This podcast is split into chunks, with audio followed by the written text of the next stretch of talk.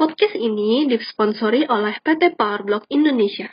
Powerblock adalah sebuah perusahaan produsen AAC atau Autoclave Aerated Concrete Block atau yang lebih dikenal dengan sebutan bata ringan di Indonesia. AAC Power Block merupakan salah satu alternatif bahan baku untuk dinding bangunan yang ringan, mudah dipasang, serta hanya membutuhkan waktu relatif singkat dalam pemasangannya. Nah, buat yang penasaran, boleh langsung cek ke websitenya di powerblockindonesia.com. Selamat sore semuanya, dan selamat datang juga di acara talk show kami hari ini yang diselenggarakan oleh Bidang Pengabdian Masyarakat dan Galeri Lawang Imarta.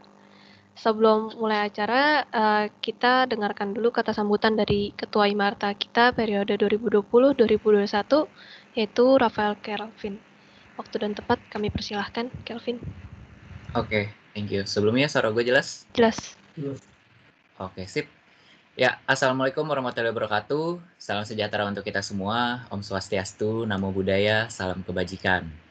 Pertama-tama saya ucapkan selamat sore dan selamat datang kepada para narasumber kita hari ini, kepada Anggi Kasia SARS, kepada Giorgio Gatika dan Aurelia Aurinka dari Kasih Balik, serta juga selamat datang kepada para undangan dan juga alumni-alumni Pengmas Imarta, dan tentunya saya ucapkan selamat datang juga kepada teman-teman peserta diskusi terbuka pada hari ini. Nah, seperti yang kita tahu ya, dalam topik kita diskusi di hari ini, kita tuh sebagai makhluk sosial nggak bisa hidup sendiri. Pastinya butuh berinteraksi dan membutuhkan satu sama lain nih. Nah, sekarang, sebagai bagian dari masyarakat yang berkesempatan mendapatkan ilmu di perguruan tinggi, muncul pertanyaan, apa sih pengabdian masyarakat itu? Pentingnya itu apa dan manfaatnya itu apa? Nah, saya berharap semoga pada hari ini, pada kesempatan kali ini, teman-teman semua bisa aktif, sehingga diskusi kita pada hari ini bisa memberikan jawaban atau pencerahan akan pertanyaan-pertanyaan dari topik kita pada hari ini.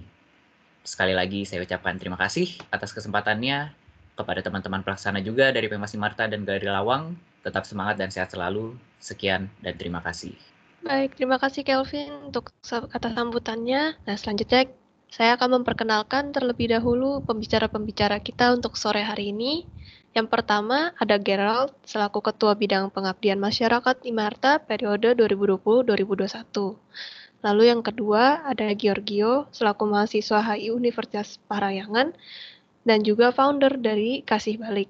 Dan yang terakhir ada Anggi selaku alumni Pengabdian Masyarakat Imarta periode 2017-2018 dan juga merupakan Ketua Bidang Pengabdian Masyarakat TKI MAI 33. Nah, untuk moderator kita hari ini ada Domi, jadi tanpa mengulur-ulur waktu, silahkan Domi untuk mengambil alih. Terima kasih Abi selaku MC. Uh, selamat sore semuanya. Uh, pada kesempatan kali ini untuk diskusinya itu akan gue yang pimpin. Uh, sebelum kita mulai diskusinya juga, mungkin kita bisa berbincang-bincang dulu nih untuk pembicara, ketika pembicara terutama ya, agar mungkin kita lebih kenal lebih jauh gitu tentang mungkin pribadinya atau sekarang lagi ngapain gitu ya. Halo Gerald, selamat sore. Halo Domi. Oke, gimana Ger kabar Ger di kondisi yang corona ini? Baik, baik, baik. Habisin Cian dapat angpau banyak. Oh, mantap, mantap. Nah, sekarang lagi sibuk apa nih, Ger? Mau mau progres? Sibuk jadi ketua bidang pengabdian masyarakat. Kan lo anaknya hmm. dong. ya, gue mau tahu ya. Thank you. Ini Gerald teman-teman, uh, selaku ketua bidang Pengmas. Nanti kalau teman-teman mau tanya secara langsung, bisa nanti ada diskusi bidangnya. Lalu uh, gue mau say hi juga untuk uh, Giorgio. Halo Gio. Uh, halo teman-teman semua. Nah, ini Gio teman-teman. Nah, gimana sekarang Gio kabarnya? Baik? Amin, masih sehat. Oke, mantap. Sekarang lagi sibuk apa nih Gio? Kalau boleh tahu. Sekarang lagi sibuk ya kuliah, himpunan juga di kampus, sama lagi mikirin uh, mungkin langkah ke depannya kasih balik juga. Oke oke. Tadi teman-teman juga udah denger nih kalau Gio itu dari kasih balik ya, merupakan foundernya juga. Nah nanti kalau teman-teman pengen, pengen tanya nih kira-kira detailnya kasih balik itu seperti apa, mencapainya seperti apa, terus uh, progresnya seperti apa, ya, itu bisa langsung tanya aja sama Gio gitu ya. Thank you Gio, BTW. Ah, Oke. Okay. Nah, berikutnya juga ada Anggi nih. Anggi, halo, selamat sore. Hai. Oh ya, gimana kabarnya Anggi? Sehat ya? Baik, sehat. Oke, sekarang lagi sibuk apa Anggi? Kalau sekarang gue lagi nggak di arsitektur dulu nih, lagi rehat hmm. bisnis keluarga. Oke, ini teman-teman, Anggi tadi yang udah disebut sama Abi juga, kalau Anggi ini merupakan alumni Pengmas ya, 2017 2018 juga merupakan uh, ketua TKMAI itu, Pengmas TKMAI 33 gitu. Nanti buat teman-teman yang penasaran juga bisa langsung tanya ke Anggi ya. Nah, kita langsung masuk aja ke diskusi yang utamanya, eh ke presentasi para pembicara. Untuk yang pertama itu dimulai dari Gerard selaku Ketua Pengabdian Masyarakat Imarta Sketsa 2020 2021. Nah, kepada Gerard, waktu tempat dipersilakan. Oke, eh, halo teman-teman semuanya. Terima kasih udah mau ikutan pada acara diskusi pada hari ini. Mungkin kita kenalan dulu kali ya. Eh, tadi udah dikenalin juga. Nama gue Gerald dari angkatan 2018 sekaligus mewakili pengabdian masyarakat Imarta 2020-2021. Nah, untuk mengawali diskusi sore kita hari ini, uh, mungkin gue buka materi dengan yang gue bisa bilang materi yang cukup provokatif kali ya mungkin ya. Uh, supaya nanti kita diskusinya bisa lebih ngalir lagi, bisa bertukar pandangan, bisa menjawab pertanyaan dari diskusi ini. Oke deh. Uh, pengabdian masyarakat di kalangan mahasiswa. Uh, kita mulai dari definisinya dulu mungkin ya. Uh, pengabdian masyarakat itu diambil dari dua kata, pengabdian dan masyarakat. Nah, pengabdian diambil dari kata abdi, yaitu orang bawahan, pelayan, hamba, atau budak tebusan. Yang kedua adalah pengabdian yang memiliki arti proses, cara per, cara perbuatan mengabdi atau mengabdikan. Dan yang ketiga adalah masyarakat. Sejumlah manusia dalam arti seluas-luasnya dan terikat oleh suatu kebudayaan yang mereka anggap sama. Oke, dari tiga kata menurut KBBI ini, uh, udah bisa gue ambil beberapa kata kuncinya. Dalam melakukan pengabdian masyarakat itu, kita menempatkan diri kita sebagai orang yang paling bawah, orang bawahan. Kita setara dengan masyarakat, tidak tidak menempatkan masyarakat sebagai objek penelitian. Itu poin pertama. Yang kedua adalah dari kata pengabdian ada kata kunci di situ proses. Gimana dalam melakukan pengabdian masyarakat kita semua itu nggak instan tapi ada prosesnya kita nemuin kampungnya dulu, kita riset karakteristiknya, lalu manusia gimana, kita melakukan pendekatan, komunikasi, tiap minggu datang, seperti itu. Dan yang ketiga adalah masyarakat Nah, masyarakat ini ada kata kunci juga nih, bukan kata sih sebenarnya lebih ke kebudayaan yang mereka anggap sama, itu kalimat kuncinya. Jadi dalam melakukan pengabdian masyarakat, biasanya kita kalau demo tuh kalian membela siapa sih? Oh, kita membela masyarakat Indonesia. Oh, itu berarti bukan pengabdian masyarakat, karena pengabdian masyarakat adalah kita harus tahu dulu nih masyarakat seperti apa yang kita lakukan pengabdian masyarakat, yaitu kebudayaan yang mereka anggap sama. Ya just seperti misalkan kampung akuarium, kampung apung, kampung elektro, dan masih banyak lagi yang artinya ada masyarakat secara spesifiknya. Oke, dari ketiga kata kunci itu mungkin bakal lebih jelas lagi dari menurut para ahlinya. Udah beberapa gue cari juga. Jadi menurut tiga bacaan ini, menurut Faududin 1999 dan 2000 dan ditekanin lagi tahun 2001, bahwa pengabdian masyarakat itu berupa pengalaman ilmu, teknologi, kesenian yang dilakukan oleh perguruan tinggi nih dan dilakukan melalui metode ilmiah langsung kepada masyarakat yang membutuhkannya. Nah, tapi dia juga bilang kalau sebenarnya sekarang ini tuh banyak pengabdian masyarakat. Ada yang kita beri tanpa pamrih ataupun tanpa kompensasi apa pun, itu sudah bisa dibilang sebagai pengabdian masyarakat. Namun, kita harus lebih teliti lagi nih. Kita sebagai mahasiswa itu, pengabdian masyarakat di perguruan tinggi itu seperti apa sih? Nah, dia bilang bahwa kegiatan masyarakat itu sebaiknya dilakukan secara berkelanjutan. Nah, ditekenin lagi lewat salah satu artikel Kompasiana yang nulis namanya Al Sofali bahwa pengabdian masyarakat itu suatu gerakan proses pemberdayaan diri. Jadi ada proses pemberdayaan diri kita sendiri untuk kepentingan masyarakat. Pengabdian masyarakat seharusnya bersifat kontinual, jangka panjang karena dalam membangun sebuah masyarakat dibutuhkan proses yang panjang. Itu ada karak, ada melihat karakternya, budayanya, sampai pola pikirnya juga harus kita sentuh untuk menciptakan masyarakat yang beradab. Oke, dari ketiga ini semua kan tadi gue sempat gue udah bilang kalau kita harus lebih teliti lagi nih dalam kita sebagai mahasiswa apa sih yang bisa dikatakan sebagai pengabdian masyarakat di perguruan tinggi gitu. Dan berangkatnya dari mana sih pengabdian masyarakat itu? Nah ini dia. Pengabdian masyarakat itu sebenarnya awalnya berangkat dari Undang-Undang Republik Indonesia nomor 12 tahun 2012 tentang pendidikan tinggi. Pada poin itu dikatakan bahwa Tridharma perguruan tinggi yang selanjutnya disebut Tridharma adalah kewajiban perguruan tinggi untuk menyelenggarakan pendidikan, penelitian, dan pengabdian kepada masyarakat. Jadi yang perlu kita tahu bahwa kita sebagai mahasiswa dan sebagai pengajar dan mahasiswa uh, secara teknis kita memiliki kewajiban untuk melakukan pendidikan, penelitian dan pengabdian kepada kepada masyarakat. Itu adalah kewajiban kita dalam Tridharma perguruan tinggi. Dari Tridharma perguruan tinggi, tinggi itu juga disebutkan bahwa pengabdian kepada masyarakat adalah sebuah kegiatan sivitas akademika yang memanfaatkan ilmu pengetahuan dan teknologi untuk kesejahteraan masyarakat dan mencerdaskan kehidupan bangsa. Kembali lagi diulang, ilmu pengetahuan dan teknologi. Oke. Dari undang-undang ini kalau kita bisa lebih lanjut, kita nih sebagai masyarakat Untar, kita nganut pengabdian masyarakatnya seperti apa sih? Nah, ini dia kita masuk ke dalam misi Untar poin nomor 2 dan 3. Supaya kita semua lebih paham nih pengabdian masyarakat kita sebenarnya sebenarnya seperti apa. Di sini dibilang kalau kita melakukan tridharma perguruan tinggi harus berlandaskan pada nilai-nilai integritas profesional dan entrepreneurship. Misi nomor tiga adalah menyelenggarakan kegiatan peningkatan kesejahteraan masyarakat melalui pemanfaatan ilmu, teknologi, seni secara berkesinambungan. Nah, kembali lagi kan ilmu teknologi dan seni gitu. Nah, yang nggak boleh lepas adalah yang tadi dalam kita terjun ke dalam masyarakat kita harus setara dengan mereka memiliki nilai-nilai integritas tapi juga profesional dan entrepreneurship seperti itu.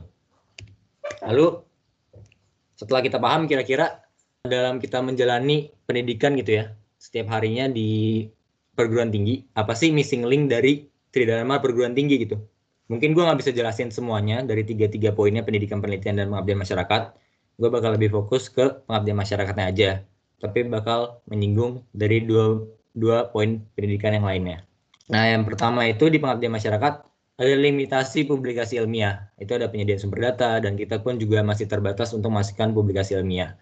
Yang kedua ada implementasi. Itu ada ilmu tanpa implementasi. Yang ketiga adalah salah sasaran. Kalau kita tuh sebenarnya nggak tahu prioritas pembangunan dan kebijakan pemerintah. Yang keempat adalah dengan pengabdian masyarakat jarang dilakukan. Kita juga jarang melakukan pemberdayaan diri karena jarang terjun ke masyarakat. Oke, empat poin ini kira-kira bakal gue jelasin lewat pengalaman gue nih mungkin lebih menarik ya daripada kita baca undang-undang segala macam. Nah, awal mulanya gue terjun ke dalam dunia pengabdian masyarakat itu tahun 2018. Mungkin bersama alumni-alumni juga yang ada di sini, ada Deren, ada Monik segala macam, Uus. Itu tahun 2018 melalui acara kita juga, acara Imarta juga namanya Research Project di tahun 2018. Nah, kita masuk ke dalam poin satu yang tadi uh, sempat gue singgung, yaitu kurangnya publikasi ilmiah gitu, limitasi publikasi ilmiah. Apa sih artinya? Uh, kalian sadar gak sih kalau sekarang kita misalkan dalam melakukan pelajaran stupa atau atau misalkan gua dan tim gua melakukan pengabdian masyarakat itu susah banget dapat data yang data atau informasi yang kredibel gitu. Informasi dari jurnal-jurnal ilmiah itu sangat dikit gitu. Apalagi dalam bidang kita ya, arsitektur juga nggak banyak yang bisa mengungkap misalkan tentang rumah daerah A, rumah daerah B, rumah daerah C, dan peraturan-peraturan kotanya pun juga tidak sebanyak itu untuk melengkapi tiap tema yang kita ambil gitu kan. Dengan melakukan pengabdian masyarakat, gue ketemu orang-orang ini nih. Tentunya kalian mungkin tahu beberapa muka-mukanya ada Ibu Hedista, ada Pak Danang, ada Pak Yusing, ada Pak Kamil, dan Mas Andes. Dan orang-orang ini sebenarnya waktu menjalani pengabdian masyarakat, mereka tuh melengkapi informasi dari apa yang tidak didapat atau yang kita nggak bisa cari sebagai mahasiswa sebenarnya. Misalkan waktu itu sempat asis sama Pak Danang ya, dia spesialisasi di peraturan kota juga di Jakarta. Kalau dalam merancang di kampung apung itu kan ada airnya ya gitu ya. Kita sempat bingung gitu, misalkan boleh gak sih sebenarnya melakukan pembangunan di atas air yang bawahnya makam? Peraturan apa sih yang dipakai? Peraturan makam kah? Atau peraturan huniannya kah? Itu kan menjadi kebingungan ya buat kita semua, karena kita juga punya limitasi data terhadap ingin kita peroleh gitu dengan melakukan pengabdian masyarakat tentunya kita nggak kerja sendiri kita bisa konsultasi dengan mereka-mereka ini bertemu dengan orang-orang yang lebih profesional lebih kita look up to gitulah lalu dari Pak Kamil Mas Andes kita juga belajar pada periode-periode sebelumnya bahwa masih banyak loh cara-cara pendekatan keluarga metode-metodenya. Dan tools-tools dari metode itu apa sih buat menjalankan riset di tengah masyarakat? Apakah cara-cara itu lebih efektif daripada penelitian pada biasanya? Jelas kalau Iya, karena kan kita bergerak di masyarakat tidak bisa memandang sebagai objek masyarakatnya gitu. Oke, lalu bergerak juga ke orang-orang seperti Bu Vero, Bu Nina, Bu Mekar yang sempat juga mengajak saya sebagai ikut dalam berpartisipasi pengabdian masyarakatnya banyak ilmu-ilmu yang didapat gitu. Demikian juga ada Bu Daliana dari Xiao dan orang-orang ini semua yang kita temui melengkapi dari kehilangan-kehilangan informasi yang nggak sempat didapat kita sebagai mahasiswa gitu. Oke, Masuk ke nomor dua, itu ada implementasi ilmu tanpa implementasi. Sekarang dari kedua gambar ini di kiri dan kanan, dua-duanya dijangka pada renggang waktu yang sama dan pada tempat yang sama. Yang kiri adalah proyek stupa empat saya, yang kanan adalah uh, waktu saya menjadi ketua pelaksana di acara revitalisasi Kampung Apung. Apa sih? Uh, mungkin ini bukan versus ya, tapi kita bisa beda satu-satu. Waktu saya menjalankan, ini cerita-cerita aja, waktu saya menjalankan proyek stupa saya, jelas saya akan mencari teori-teori tentang Forward of Dwelling dari Heidegger, terus mencari peraturan-peraturan kotanya, KLB-nya, segala macamnya. Lalu sembari saya juga menjalankan uh, program kerja revitalisasi kampung apung yang menciptakan output buku Kompendium Kampung Apung. Nah, dari situ output-output yang dari Kompendium ini kode kode-kodenya saya masukkan ke dalam perencanaan stupa saya. Jadi sebenarnya kedua ini dijalankan bersama-sama dan saling melengkapi gitu. Cuman nyatanya adalah sebenarnya warga tuh belum butuh loh uh, proyek stupa gue gitu. Proyek stupa gue warga belum butuh. Warga lebih butuh MCK gitu. Implementasi warga lebih butuh MCK, lebih butuh penerangan gitu. Mereka nggak punya penerangan di toiletnya. Jadi di satu sisi saat belajar stupa juga belajar nih pencahayaan dan penghawaan misalkan alaminya dari mana sih arahnya segala macam itu tetap belajar tapi implementasinya adalah yang melengkapi pengabdian masyarakat jadi pengabdian masyarakat melengkapi riset dan pendidikan yang saya sedang jalani waktu itu di semester 4, kira-kira seperti itu. Dari situ kita masuk ke poin nomor tiga nih.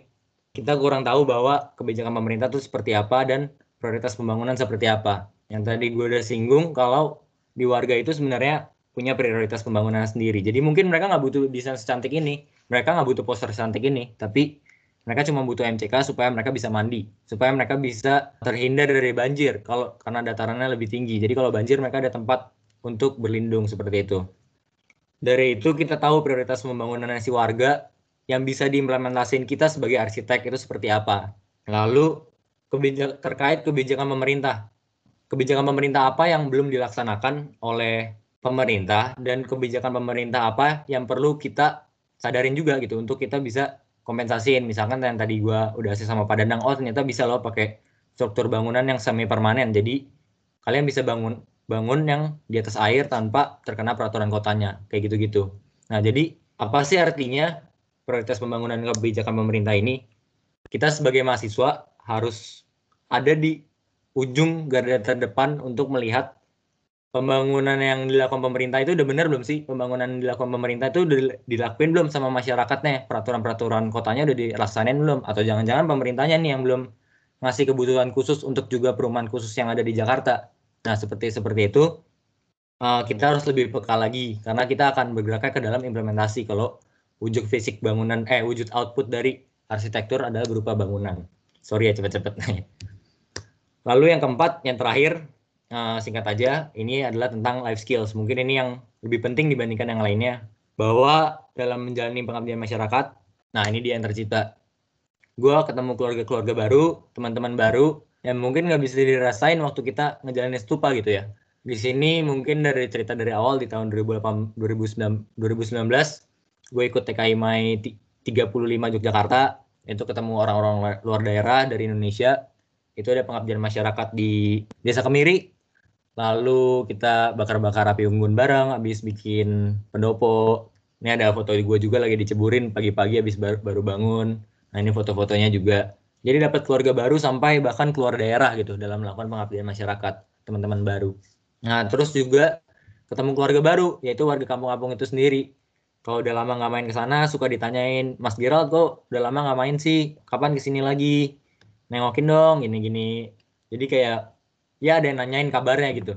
Terus sempat nugas-nugas bareng juga bahkan di stupa di di di kampungnya. Itu jadi kedekatan yang nggak ada duanya sih maksudnya nggak tergantikan gitu dan ini dapat teman-teman baru dari dari pesertanya lalu yang yang lebih parahnya lagi dapat keluarga baru nih yang benar-benar intens nih sama mungkin ada Ayu ada Feni ada Zamar. Di situ ada Darren ada Us Monik Anggi. Terus sekarang juga gue udah punya anak-anak sendiri. Ada Cynthia Fen Cynthia Feni. Lalu ada Tia dan Domi gitu. Jadi ini keluarga-keluarga yang di mana pun tapi tetap saling berelasi gitu nggak putus lah. Ini yang didapat pertama. Lalu yang kedua, mungkin dari upside upside down-nya ya adalah sampai ke UI nyari-nyari kira-kira buku output yang menarik itu seperti apa ya. Lalu datang ke warga tuh ada gue lagi nugas di rumah warga itu sambil makan martabak sambil minum-minum. Lalu ada juga tuh foto Feni tidur sama gue tidur di jalan. Ya susah-susahnya tapi semuanya berasa dan menghasilkan sebuah output yang bermanfaat untuk masyarakat juga untuk diri sendiri gitu sampai masuk Jakarta keras juga. Nah, kayak gitu sih. Jadi kayak dari upside down ini bisa dipelajarin bahwa dalam melakukan pengabdian, pengabdian masyarakat gue bisa mendapatkan physical dan emotional endurance yang lebih lebih gokil lagi, lebih gila lagi, tanggung jawabnya lebih gila, lebih disiplin, ngatur waktu, time management itu mungkin life skill life skills yang kita nggak bisa dapat di stupa gitu, sampai akhirnya membentuk kepribadian kita sendiri. Nah, terakhir mungkin kalau di rewind lagi dari semua yang gue dapetin ini, apa sih yang nggak ada gitu? Apa sih yang selalu ada di foto di foto-foto tadi? Jawabannya adalah manusia. Jadi dalam melakukan pengabdian masyarakat itu semuanya bergantung pada komunikasi, koordinasi, dan kerjasama sampai membentuk pemberdayaan diri sendiri kayak gitu. Oke, dari itu semua pastinya bakal untuk ber, bakal untuk berguna bagi masyarakat. Dan yang terakhir, apa sih pengabdian masyarakat bagi saya sendiri untuk nge ngesimpulin semuanya? Kalau saya bisa simpulin semuanya, uh, bergantung pada manusia tadi ya di tiap fotonya. Pengabdian masyarakat adalah suatu proses usaha atau pencarian untuk menempatkan pendidikan dan penelitian yang kita sedang jalani ini balik kepada inti yang paling dalam, yaitu adalah kehidupan sendiri. Terima kasih. Terima kasih Gerald. Uh, sangat menarik ya uh, presentasi dari Gerald. Tadi gue juga nemuin definisi-definisi baru nih ternyata dari kalau dari Gerald itu kayak misalnya menempatkan diri sebagai seorang pelayan gitu atau orang yang paling bawah dalam pengmas gitu kan ya. Terus prosesnya, terus kebudayaan dengan warga tuh harus sama gitu. Lalu juga ada misi link tadi dari drama juga kira jelasin berbagai pengalamannya gitu. Lalu juga implementasinya langsung. Tadi kan di stupa ada tuh dia jelasin. Terus ternyata dia juga bisa implementasi, implementasi langsung ke warga langsung gitu ya. Lalu juga ada sasaran yang tepat gitu. Kira-kira apa sih keinginan bagi warga tuh apa yang tepat gitu. Lalu dapat bertemu keluarga-keluarga baru juga kayak misalnya partai kayak MAI atau misalnya ya di Pengmas sekarang kayak gue juga jadi anggotanya Pengmas sekarang kan gara-gara GL gitu ya gitu mungkin teman-teman kalau misalnya nanti nih ada mau tanya tuh sama Gerald kira-kira pengalaman-pengalaman apa lagi tuh yang bikin dia kok betah banget di Pengmas gitu nanti bisa tanya ke Gerald gitu. Boleh banget. Nah Gerald ini juga eh benar-benar. Nah Gerald ini juga kan perwakilan dari mahasiswa nih dan tadi juga dia juga nyampain tuh definisinya menurut mahasiswa arsitektur ya terutama ya. Nah berikutnya kita juga bakal denger ini uh, Pengmas definisinya, mungkin pengalaman-pengalamannya, ini dari kacamata seorang mahasiswa umum gitu ya. Ini dari mahasiswa Unpar, jurusan HI, ada Giorgio, waktu dan tempat, gue persilakan. Oke, okay, thank you Gerald, thank you Dominic.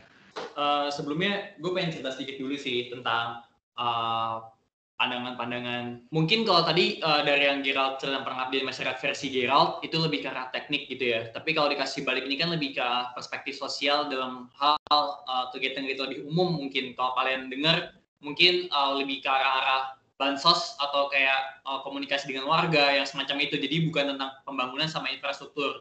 Nah sebenarnya uh, mungkin uh, gue yakin ada teman-teman di sini yang relate, ada yang juga merasa ini relevan yang merasa enggak tapi gue harap maksudnya pemahaman yang bakal di share hari ini oleh kasih balik itu bisa berguna buat teman-teman ngebuka uh, pemahaman baru aja gitu tentang pengabdian masyarakat.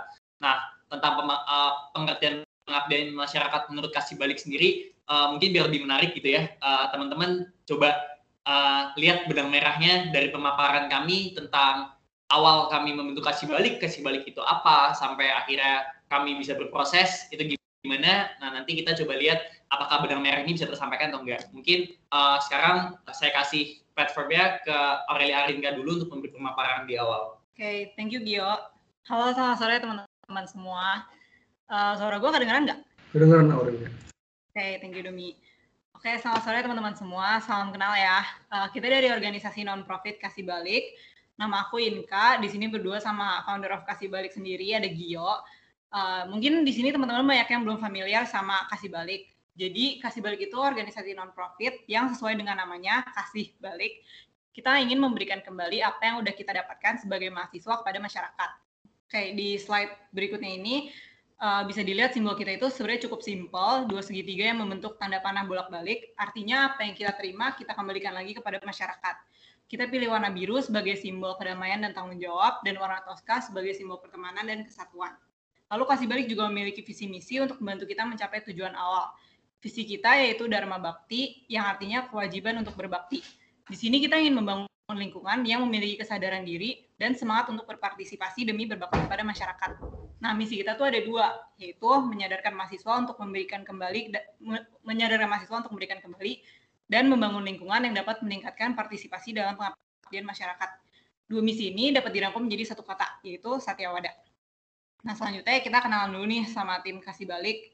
Oke, okay, sorry ada salam teknis sebentar ya. Oke. Okay. Nah, kenalan dulu nih sama um, tim kasih balik. Uh, kasih balik itu terdiri dari lima orang. Ada aku, Inka, ada Gio, uh, ada Gav, Rega, dan Yomi. Nah, kebetulan kami baru bisa kenalan sama dua dari lima anggota aja. Semoga lain kali kita bisa kenalan sama yang lain juga ya. Oke, nah buat yang penasaran, emang kasih balik sebenarnya kegiatannya ngapain aja sih? Oke, jadi kasih balik itu ada dua bentuk kegiatan. Yang pertama itu berupa konten, yang kedua itu kolaborasi aksi nyata. Nah, uh, kita bikin konten dengan tujuannya itu raise awareness. Platform kita sejauh ini baru Instagram aja. Uh, di Instagram kita mayoritas mengangkat isu-isu sosial yang perlu menjadi perhatian. Contohnya dalam menyambut Hari Ketahanan Pangan, kita bikin konten tentang cara-cara simpel untuk menjaga pangan di Indonesia. Kemudian ketika ada berita tentang uh, komersialisasi Pulau Komodo, Kasih Balik juga bantu menyebarkan petisi dan memberikan informasi mengenai permasalahannya. Nah, selain itu, ada juga konten interaktif nih, seperti Hari Puisi yang membantu mendekatkan relasi yang jauh akibat pandemi tahun lalu. Lalu ada tangkap-tangkap sembako di mana teman-teman diajak dona, diajak donasi untuk membagikan sembako sembako ke warga sekitar. Nah, yang kedua itu ada kolaborasi aksi nyata. Kegiatan ini bentuknya lebih ke arah turun ke lapangan tim kasih balik itu beberapa kali berkolaborasi dengan NGO lain dengan membantu membagi, membagikan sembako, edukasi, dan raise awareness kepada warga di daerah Jabodetabek, Bantar Gebang, panti sosial, dan di yang di luar Pulau Jawa ada di Timika, Papua. Nah, dari kegiatan yang udah kita lakuin, sekecil apa pun kita berharap ada dampak positifnya bagi masyarakat. Satu dampak yang kita perhatiin selalu ada itu um, terbentuknya sebuah chain reaction yang uh, terjadi di orang-orang sekitar kita mulai dari hal kecil seperti repost berita di Snapgram, kemudian nanya-nanya, lalu jadi ikut juga deh kegiatannya. Nah, beberapa konten kasih balik juga dinotis dan direpost oleh lembaga dan institusi lain, seperti uh, Kepolisian Tangerang mengenai ketahanan pangan. Oke, selanjutnya daripada gue terus yang ngomong, uh, habis ini bakal dilanjutin sama Gio. Nah. Oke, uh, thank you Inka. Nah, untuk selanjutnya, kalau tadi kan kita udah cerita banyak nih tentang apa yang udah kita lakuin, kasih balik itu apa. Nah, jadi teman-teman bisa lihat kalau misalnya Pengmas uh, menurut kami itu adalah sesimpel dan kita memberikan kembali apa yang kita punya. Kenapa bisa dibilang, kenapa kita bilang memberikan kembali? Karena tanpa mereka, ini uh, gue kutip kata Gerald juga tentang manusia, tanpa ada manusia lain, mungkin sekarang kita nggak mungkin kayak gini. Tanpa ada guru, mungkin kita nggak akan menjadi pintar. Sama halnya dengan uh, teman-teman kita di luar sana gitu. Nah, sekarang kita udah diberikan oleh guru kita ilmu, kita diberikan uh, cukup materi materi oleh orang tua kita. Lalu di sini saatnya kita untuk memberikan itu semua kembali kepada masyarakat. Nah, sekarang kita uh, uh, aku mau mulai sharing juga uh, tentang si kasih balik ini, terutama dalam hal uh, operasional. Nah, di sini ada dua hal. Pertama, uh, dinamika yang yang baik dan dinamika yang masih butuh untuk ditingkatkan. Nah, ini buat pengalaman teman-teman juga yang sedang berada di organisasi. Nah, pertama-tama dinamika yang baik dalam kasih balik itu pertama kita tuh aktif untuk melihat isu sosial. Jadi kita tuh sering banget uh, tiba-tiba baca berita terus langsung uh, diskusi itu di grup. Eh ada isu ini nih, ada isu ini nih. Atau kita lagi buka IG terus langsung share juga di IG gitu. Eh ini ada kasus ini nih, ada ini gitu. Kita sangat aktif melihat isu sosial. Uh, kebetulan mungkin juga kayak narator di belakang jurusan kami ilmu sosial dan politik. Jadinya kita emang ke expose juga hal seperti ini. Nah, kemudian setelah kita uh, mencari tahu tentang isu tersebut, kita nggak berhenti sampai sekedar baca satu berita, tapi kita bisa cari betul-betul lebih dalam lagi tentang, oh ini kejadiannya di mana, kapan, kronologinya seperti apa, atau mungkin itu di tahap kalian bisa dibilang sebagai tahap riset. Nah, kemudian setelah tahap riset kita selesai, selesai, nah di sini kita akan ketemu lagi berlima, kita akan brainstorming secara uh, dalam bentuk koordinasi dan komunikasi. Nah, yang menarik di sini adalah pada saat kita ketemu isu banyak ini kan kita hype gitu ya. Kita bakal kayak, aduh, di sini menarik, menarik, menarik, menarik. Lalu akhirnya kita coba pikirin hal apa sih yang bisa kita lakukan. Nah, tahap ini menurut saya adalah, adalah tahap yang paling menyenangkan. Karena kita jadi kayak mikirin kira-kira apa yang kita bisa lakuin ya. Hal simpel aja, nggak usah susah-susah, tapi itu berdampak. Nah, di sini kita akan uh, planning, kita bakal bikin teknisnya gimana. Lalu uh, terakhir, yang menurut saya cukup baik dikasih balik itu adalah tujuan yang jelas. Nah, itu berat dari namanya, yaitu kasih balik atau memberikan kembali. Nah, tujuan kami untuk melakukan segala hal apa pun di sini adalah sesimpel memberikan kembali kepada masyarakat, bentuknya apa pun itu. Misalnya bisa kasih balik untuk uh, dalam hal bentuk raise awareness kah, atau dalam hal bentuk sapaan kecil, atau apa, kita hanya berorientasi pada bagaimana kita mengembalikan sesuatu pada masyarakat. Nah, kemudian ada dua hal, ah ini, uh, sorry, di sini adalah uh, proses kita untuk menentukan suatu isu dan langkah, eh, atau aksi. Bisa lihat teman-teman kita pertama riset, lalu kita pilih-pilih juga informasi mana atau uh, isu apa yang sesuai kapabilitas kasih balik, lalu kita brainstorming tentang uh, konsep mana nih yang bakal paling cocok dan yang paling mungkin kita lakukan, terus kemudian kita bikin planningnya, kita bikin rincian timeline, kita bikin uh, teknisnya gimana, kita juga bikin kolaborasi sama siapa, jadi kita di, di ranah planning, lalu tahap akhir kita eksekusi, dan siklus ini terus terus berulang, uh, bisa dibilang ada mingguan, ada bulanan, tergantung uh, aksi apa yang akan kami lakukan. Entah itu konten atau kolaborasi nyata lagi. Nah, ini adalah dua hal yang saya rasa teman-teman uh, juga perlu tahu tentang pengabdian masyarakat serta uh, organisasional. Nah, ini adalah dua dinamik, dua hal yang perlu ditingkatkan dalam uh, pengabdian masyarakat. Pertama, teknis kegiatan. Uh, mungkin teman-teman juga udah uh, familiar dengan teknis kegiatan yang namanya pengabdian masyarakat butuh proses yang lama, butuh riset yang dalam, kalau nanti salah sasaran. Terus kita juga perlu tahu juga tentang dengan siapa kita bekerja sama, dengan siapa kita melakukan sesuatu. Intinya kita harus tahu segala hal terkait dengan pengabdian ini. Nah, kemarin tuh cerita sedikit, uh, kasih balik, kita ngumpulin dana, lalu kita tuh berorientasi dana tersebut bakal dibagikan ke wilayah Jabodetabek. Nah, namun ternyata uh, setelah kita udah kumpulin dananya, kita kembali berkolaborasi, uh, kita komunikasi lagi dengan pihak-pihak yang sudah berkolaborasi dengan kami. Ternyata uh, ada sedikit uh, miskomunikasi dengan mereka. Ternyata dana yang kami kumpulkan itu bukan dikirim ke Jabodetabek, tapi ternyata dikirim ke Timika dan uh, Panti Sosial. Nah, sebenarnya satu hal uh, positif karena jangkauan kami menjadi lebih luas, tapi yang menjadi negatif di sini adalah awalnya kita menjanjikan bahwa dana tersebut akan disalurkan kepada masyarakat di Jabodetabek, tapi ternyata uh, dana tersebut malah di uh, disalurkan ke tempat yang berbeda. Nah, di sini menjadi bisa jadi suatu masalah, tapi juga mungkin karena skop kami juga masih kecil, belum, belum terlalu luas, jadi mungkin banyak teman-teman kami dan orang-orang sekitar melihatnya ini bukan jadi suatu masalah, tapi bagi kami sebagai organisasi itu menjadi satu uh, missing uh, loopholes yang cukup signifikan. Lalu kedua adalah core organisasi. Nah, core organisasi ini lebih ke arah tentang shared values, lebih tentang ke arah uh, kultur budaya organisasinya dan cakupan organisasi. Nah ini yang tiga hal tersebut yang mungkin kita perlu diskusi lebih dalam lagi. Nah kasih balik sempat uh, sekarang lagi hiatus selama sebulan dua bulan. Tujuannya adalah untuk uh, memperkuat fundamental organisasi kami atau kita bilang organisa uh, core organisasi kami. Kenapa? Karena tujuan kami satu, yaitu memberikan kembali kepada masyarakat. Tapi ternyata pada implementasinya kami bisa tanda kutip jadi serakah atau kasarnya semua isu sosial yang kami rasa oh, butuh nih kita lakukan, kita coba lakuin. Padahal sebenarnya mengingat kapabilitas kami dan juga uh, isu sosial banyak yang banyak banget, nggak semua hal bisa kita lakukan gitu. Kita perlu mensortir, kita juga perlu untuk menentukan arah kita tuh mau ke mana sebenarnya. Kita pengen memberikan kembali dalam skop apa. Nah ini yang jadi menurut uh, saya mungkin juga cukup relate juga buat teman-teman di sini semua karena uh, walaupun kita punya tujuan semulia apa pun itu, kita punya tujuan untuk memberikan kembali, pengen mengabdi kepada masyarakat, tapi kalau misalnya kita nggak punya core yang kuat tentang cakupannya apa, tentang arahnya dalam artian uh, core uh, values, shared values kita yang kita pegang antar sesama rekan kita atau shared values yang kita pengen sampaikan keluar itu belum ada, itu mungkin pengabdian masyarakat tidak akan uh, berasa mining semining itu kalau menurut kami gitu. Nah mungkin uh, segitu cerita singkat kami. Kita bakal mungkin lebih banyak diskusi lagi di uh, sesi diskusi breakout nanti ya. Tapi mungkin uh, ada tambahan sedikit sih tentang kita juga pengen cerita dikit nih. Oh, masih ada waktunya nggak ya kalau boleh tahu? Sisa berapa menit? Tiga menit lagi ya?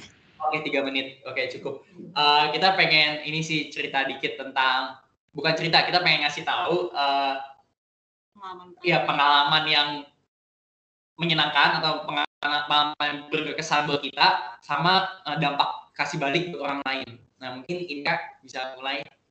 Nah, Oke, okay, thank you Gio. Um, kalau buat gue, pengalaman paling memorable dan paling berkesan dikasih balik itu, um, akhirnya gue bisa menemukan platform dan lingkungan yang sesuai dengan interest gue juga. Karena buat gue uh, agak susah untuk mencari lingkungan yang um, diri gue pribadi itu nyaman.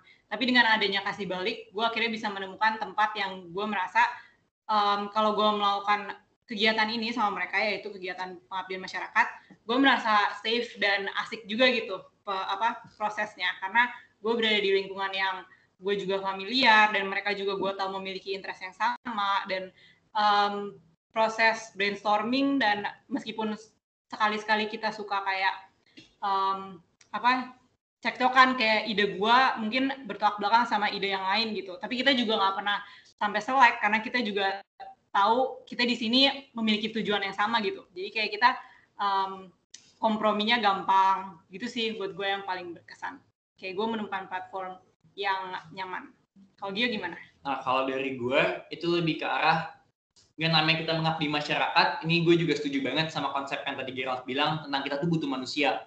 Nah, kalau gue lebih berkesan itu tentang dinamika gue dengan organisasi ini. Di mana yang tadi kau udah bilang bahwa kita tuh baik banget brainstorming dan kadang-kadang tuh bahkan uh, ada teman-teman kita yang belum tentu bisa ikut partisipasi atau ternyata udah mulai hilang nih semangatnya karena ada misalnya ada suatu hal berkaitan dengan uh, kondisi keluarganya atau kondisi mental yang lagi lelah atau bagaimana gimana? Dan itu menjadi satu hal yang berkesan menurut gue kenapa? Karena kita jadi punya satu budaya baru dikasih balik. Kita nggak tentang nggak selalu tentang bagaimana kita bisa memberikan kembali kepada masyarakat umum tapi juga bagaimana kita bisa memberikan kembali kepada sesama kita itu sesama organisasi kasih balik. Jadi uh, menurut gue itu satu hal yang berkesan banget sih buat uh, dalam menjadi suatu budaya dalam suatu organisasi. Nah terakhir tentang dampak kita uh, kepada orang lain itu yang kami rasakan. Satu tadi yang kami bilang juga tentang chain of reaction. Dan kedua itu lebih ke arah raise awareness dan juga kemauan mereka untuk turut serta dalam pengabdian masyarakat. Karena ternyata tak diduga dengan hal yang kita lakukan kecil ini dan maksudnya followers kita masih dikit ya masih baru 19 dan mungkin engagementnya nggak gitu banyak. Tapi ternyata banyak banget yang nge-stalk kita karena kita bisa lihat statistiknya. Dan juga banyak banget yang ikut repost dan nge-DM kita personal gitu untuk bertanya-tanya gimana sih cara pengabdian masyarakat? Kapan ada lagi? Gue pengen ikut volunteer yuk kayak gitu-gitu. Nah itu menurut gue satu hal positif untuk menyebarkan pengabdian kepada teman-teman yang lain. Paling segitu aja. Maaf ya hal kelebihan satu menit. Kalau terima kasih. Ya, terima kasih ke Gio dan juga Kak Aurelia. Menarik banget penyampaiannya. Nah sebenarnya kalau menurut gue juga pengen masuk ya kalau menurut kita kan mungkin mahasiswa doang gitu ya. Atau enggak mahasiswa arsitektur doang Nah ternyata udah dibuktiin sama Kagio sama Kak Aurelia bahwa uh, pengmas itu tuh juga bisa dilakukan oleh orang-orang awam gitu, orang-orang umum gitu ya.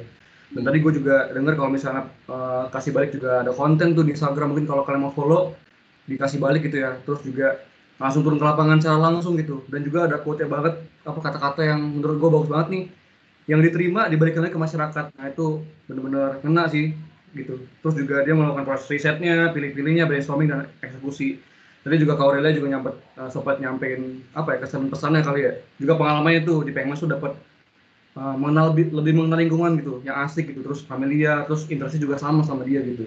Lalu Kak Gio juga ternyata menerima feedback yang baik tuh dari masyarakat umum uh, tentang Pengmas ini gitu. Itu dari dari kita aja bisa kenapa itu kan dari umum aja bisa kenapa kita juga nggak bisa gitu kayak gitu. Nah terus gue juga mau ingetin buat temen-temen uh, ini nanti materi dari Kak Gerald dan juga Kak Gio serta Kak Aurelia Nah nanti juga uh, Kak Anggi akan didiskusikan nih di diskusi kecil. Jadi perhatikan baik-baik jangan sampai ada yang kelewatan gitu. Karena kan perbedaan sudut pandang ini tuh menurut gue hal yang menarik itu untuk dibahas di diskusi kecil nanti. Dan juga nanti bakal ada penyampaian hasil diskusinya itu di diskusi besar gitu. Jadi sama-sama kita diskusi, sama-sama nambah ilmu gitu. Gitu ya kira-kira. Nah, terima kasih untuk Kak, Anggi, Kak Gio dan juga Kak Aurelia. Berikutnya kita akan dengerin nih uh, paparan materi dari Kak Anggi Kang Anggi tadi kan seperti yang gue sampaikan merupakan alumni Pengmas Imarta 2017-2018 juga merupakan uh, ketua pengabdian masyarakat TKMAI 33 gitu. Dan Anggi juga udah lulus nih di dari Untar gitu ya. Nah mungkin nggak usah berlama-lama lagi uh, gue persilakan untuk Anggi. Nah sebelumnya perkenalin semuanya. Tadi udah dikenalin juga sih sama Domi gue Anggi uh, eh, gue alumni dari Pengmas Imarta, juga Pengmas FPMAJ. Nah, kalau misalnya mau tahu FPMAJ itu apa ya mungkin nggak di sini diskusinya bisa langsung tanya ke Gerard atau malah ke bidang eksternalnya Imarta ya. Nah, sebelum mulai ke materinya lebih jauh, gue mau um, apa ya? Kita nimbulin dulu beberapa pertanyaan nih di diri kita sebelum kita lanjut ya. Um, kayak yang dari tadi dibahas, apa sih itu Pengmas? Terus uh, lanjut lagi ke pertanyaan kenapa sih ribetin diri sendiri terjun ke masyarakat? Padahal arsitektur aja tuh udah ribet. Kita begadang kita ngerjain tugas aja udah ribet gitu loh. Nggak capek apa nggak takut kita turun gitu.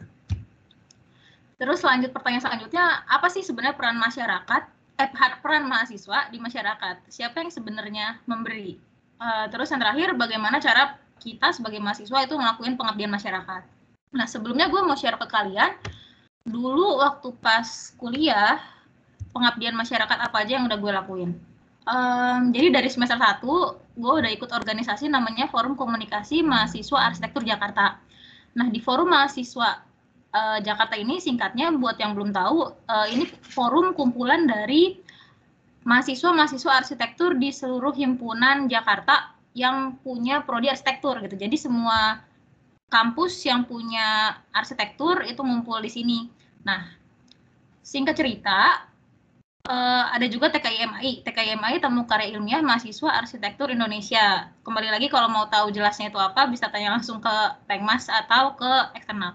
Nah, tapi acara TKIMI ini adalah perkumpulan kita nih mahasiswa-mahasiswa arsitektur satu Indonesia setiap tahunnya. Nah, kebetulan di tahun 2017 tuan rumahnya itu Jakarta. Nah, apa sih hubungannya dari yang tadi uh, keanggotaan FKMAJ ke TKIMA, ke TKIMAI? Nah, jadi waktu pas gue masuk ke FKMAJ, ternyata FKMAJ itu lagi persiapan nih. Tahun depan gimana nih TKIMAI-nya di Jakarta. Nah, TKIMAI itu terdiri dari banyak acara, salah satunya Pengmas, salah satunya pengabdian masyarakat. Nah, pengabdian masyarakat ini dirasa krusial. Kenapa dirasa krusial? Karena setiap tahunnya peserta itu hampir 50% maunya masuk Pengmas. Jadi kalau misalnya ada 1000 peserta yang datang ke tuan rumah, maka 500 orang adalah mau masuk Pengmas gitu. Nah, makanya itu dianggap krusial. Satu isu lagi adalah uh, waktu itu Jakarta belum punya Pengmas. Jadi FKMAJ selaku BPR 1 itu belum punya Pengmas. Lanjut lagi, uh, sorry agak loncat-loncat ya, soalnya agak-agak uh, berhubungan ini. Nah, lalu di semester masuk FKMAJ, terus gue masuk Imarta, masuk bidang pengabdian masyarakat Imarta tahun 2016, itu jadi panit kecil ngadain research project, temanya food and architecture. Nah, jadi gue double apa ya istilahnya gue dua organisasi yang satu Imarta yang satu FKMAJ jadi selaku selagi gue jadi panitia kecil gue juga jadi keanggotaan yang FKMAJ lalu waktu gue akhir semester 2 rapat bareng sama FKMAJ di singkat cerita gue ditunjuk jadi ketua pengabdian masyarakat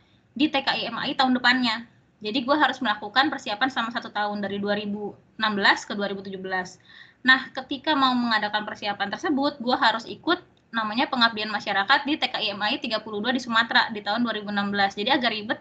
Kenapa? Supaya bisa lihat sebenarnya mahasiswa MA ini kayak gimana sih? Karena nanti mahasiswa yang jadi peserta itu dari banyak daerah kan, gak cuma Jakarta doang. Nah, terus Jakarta harus gimana nih? Panitianya harus gimana? Nah, itu pengalaman uh, singkat pengalaman di TKIMI dan Imarta. Terus lanjut lagi, gue juga sempat ikut di pengabdian masyarakatnya Imarta tahun 2017-2018 selaku ketua bidang. Lalu lanjut lagi gue uh, juga sempat ikut pengabdian masyarakat TKIMAI 34 di Palu tahun 2018 tapi itu forum. Jadi kita um, intinya keadaannya itu bukan membangun sesuatu tapi kita berdiskusi forum pengabdian masyarakat. Kita berdiskusi gimana sih pengabdian masyarakat di daerah mereka masing-masing di daerah lain kayak gimana terus MAI mahasiswa arsitektur Indonesia itu harus kayak gimana Nah, terus lanjut ke 2019, gue sempat jadi volunteer pameran di Rujak. Lalu pas lulus, gue sempat free, uh, jadi freelancer di Rujak. Uh, Rujak itu semacam um, apa ya lembaga yang peduli masyarakat, tapi dia uh, base-nya tata kota sama arsitektur. Nah, kenapa sih di PPT kali ini gue tulis semester? Ada semester 1, semester 2, semester 3, semester 4. Karena gue mau kalian tahu, kalau misalnya kalian tuh bisa mulai pengabdian masyarakat dari kapan pun dari semester awal pun kalian udah bisa mulai. Karena waktu pas gue ikut pengabdian masyarakat banyak banget mahasiswa yang ragu bisa nggak ya gue arsitektur tapi tetap pengabdian masyarakat juga? Nanti sibuk nggak ya? Nanti harus ke kampung kayak gimana ya? Banyak banget kekhawatiran makanya gue tulis juga semesternya dan ternyata uh, kenyataannya kan bisa. Nah lalu di sini ada durasi ada enam bulan, satu minggu, satu tahun, enam bulan, satu tahun, satu minggu. Nah, gue mau, mau kalian tahu kalau proses pengabdian masyarakat itu nggak singkat. Proses pengabdian masyarakat itu kalian harus uh, melalui proses yang cukup panjang supaya menghasilkan hasil yang uh, tepat sasaran, yang mencapai target. Nah, untuk itu makanya uh, eh, gue kali ini bercerminnya sama dua kegiatan yang gue lakuinnya per, karena persiapan satu tahun. Ada pengabdian masyarakat TKIMI 33 Jakarta 2017 dan ada lagi pengabdian masyarakat Imarta tentang pembangunan ruang baca di Rusun Marunda.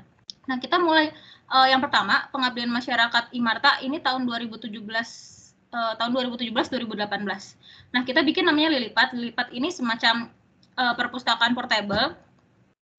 Uh, nanti diisi buku itu kita letakkan di Rusun Marunda. Nah, di Rusun Marunda itu tentunya kembali lagi ke isu yang udah kita cari. Karena ketika kalian mengadakan pengabdian masyarakat nggak bisa semerta-merta oh uh, kampung ini banjir nih ya udah deh kita bikinin selokan aja gitu. Nggak bisa kayak gitu. Nggak bisa kalian cuma datang terus kalian um, solusinya pada saat itu juga. Kalian harus melalui proses yang um, bersama melibatkan warga juga.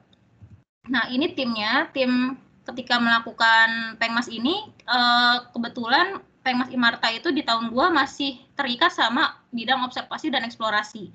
Jadi enam bulan pertama, enam bulan pertama kita ngadain um, research projectnya dulu, dan Pengmas itu masuk di uh, bagian science study. Science study ini kurang lebih rangkaiannya seperti ini. Yang gua mau ceritain adalah Pengmas ketika enam bulan sudah uh, menemukan desain. Jadi dari rangkaian ini kita ada seminar, ada oprek, ada side study, ada observasi ke presiden-presiden yang udah ditentuin sesuai parameter, terus ada desain proses. Nah, desain proses ini uh, pada akhirnya ketika sudah terpilih satu desain yang menurut parameter kita cukup, lalu akan kita bangun. Nah, berarti kalau misalnya ini sekitar September, Oktober, November, kita mulai mencoba untuk membangun si lilipat ini di bulan Januari. Nah, yang pertama kita lakukan adalah uh, membuat koneksi membuat koneksi ini sesuai pengalaman gue kita harus cabang dua. Yang pertama itu koneksi kepada tim kita sendiri ke internal kita sendiri dan yang kedua adalah koneksi terhadap masyarakat itu. Jadi nggak uh, kalau misalnya koneksi kalian antar tim itu belum cukup kuat rasanya sulit untuk bisa memberikan sesuatu kepada orang lain. Lalu setelah itu yang tentunya kita survei kita science visit uh, keadaan di sana kayak gimana masyarakat perlunya apa isu arsitekturnya kayak gimana ruang ruang-ruang mereka itu kayak gimana. Lalu yang uh, selanjutnya kita lakukan pembangunan. Jadi setelah uh, hasil desain proses tadi udah ketahuan desainnya kayak gimana, lalu di proker di program kerja Pengmas kita sesuaikan lagi dengan keadaan site pada saat itu yang akan dibangun. Nah lalu waktu itu timnya berempat, um, ada gua, ada Monik, ada Laus, ada Deren, nah, dan ada 20 mahasiswa lainnya yang ikut turun setiap kurang lebih tiga kali seminggu kali ya. Bisa malah bisa jadi tiap hari kita bikin si lilipat ini di kampus. Nah kenapa kita bikinnya di Untar? Waktu itu kita bikin kebetulan di depan di di dalam galeri galeri lawang.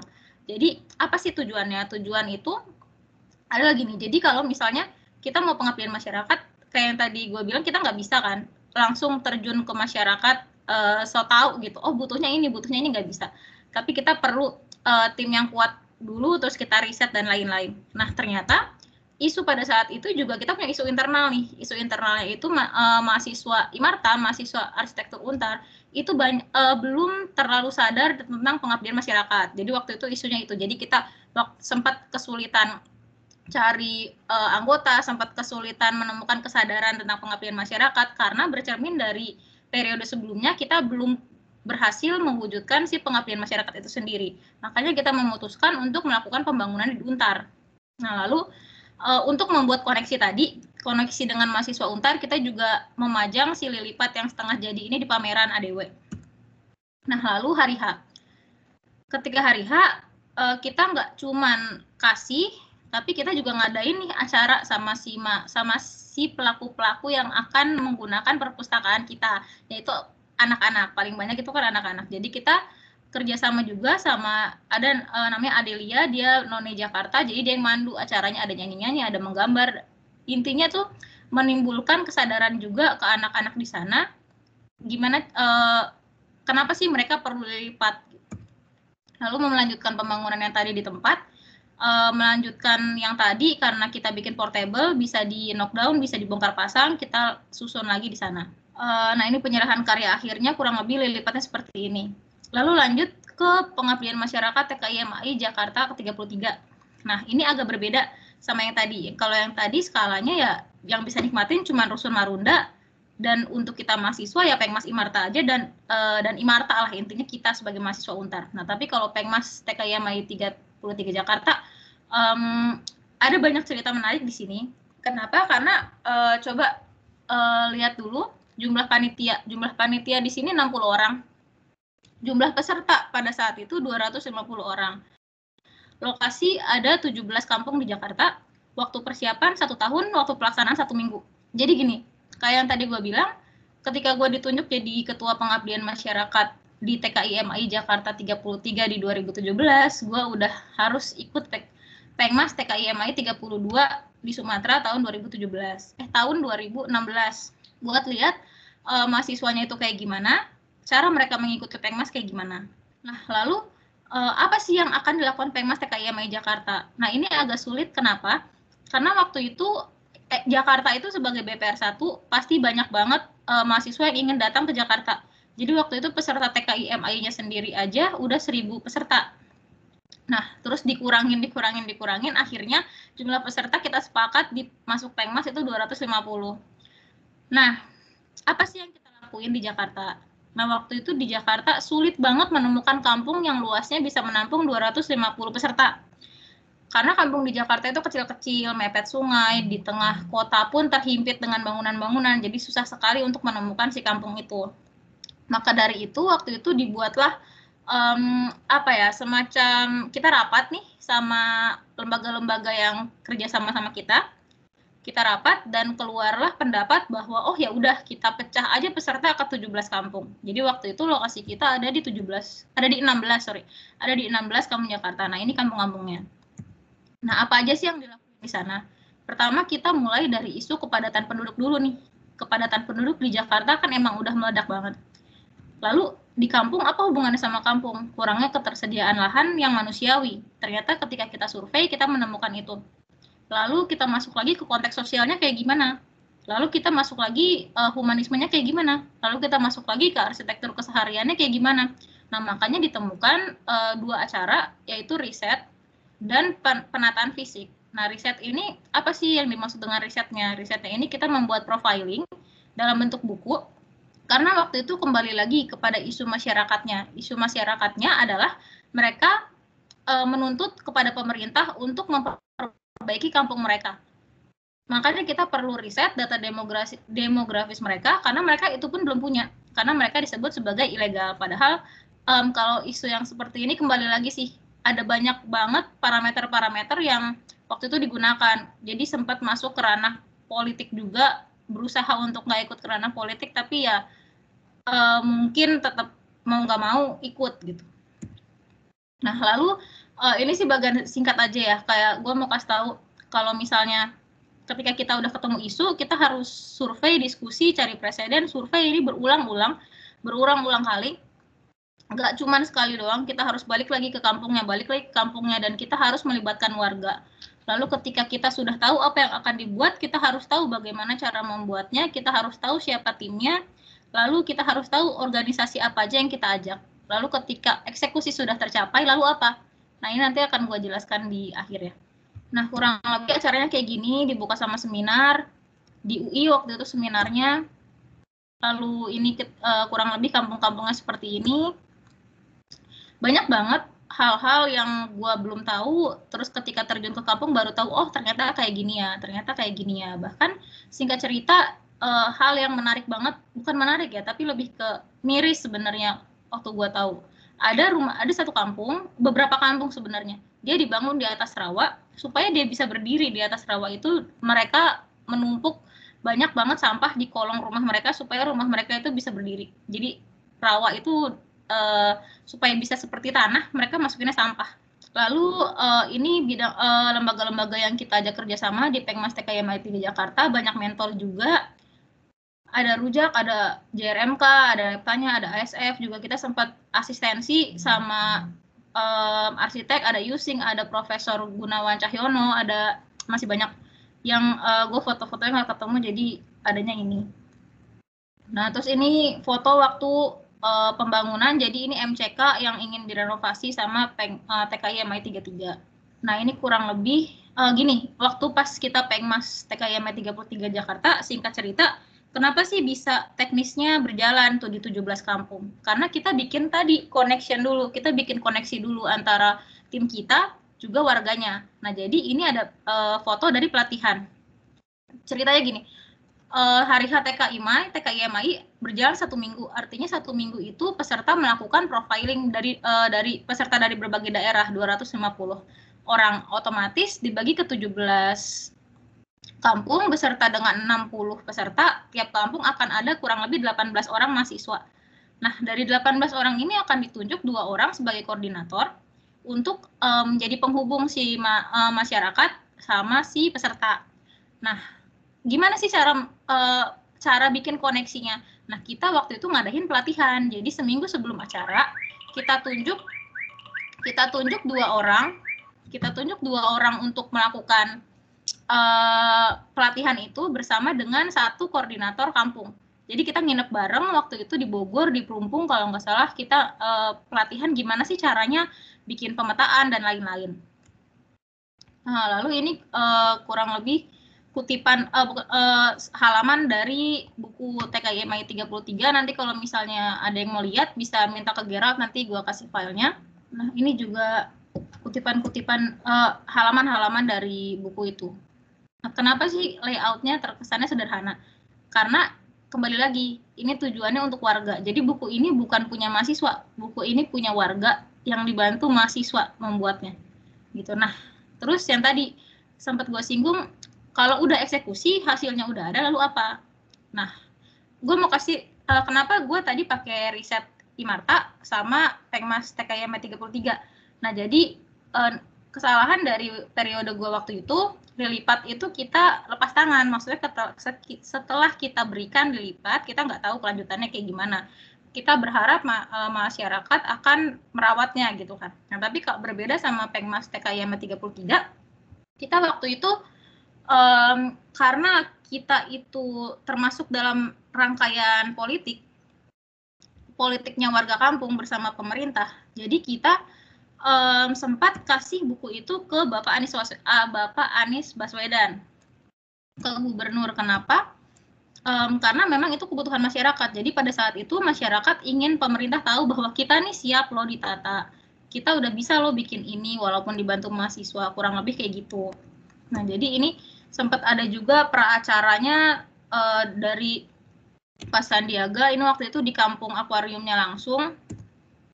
Nah kalau yang ini rapat di balai kota ketika warga menyerahkan buku yang kita buat ke gubernur itu sendiri. Nah kalau um, setelah menjelaskan ini, menurut gue udah terjawab ya gimana caranya pengmas uh, gimana caranya mahasiswa melakukan pengmas. Nah untuk detailnya mungkin nanti kalian bisa ngelakuin itu bersama pengabdian masyarakat Imarta. Terus selanjutnya apa sih peran kita di masyarakat? Siapa yang sebenarnya memberi?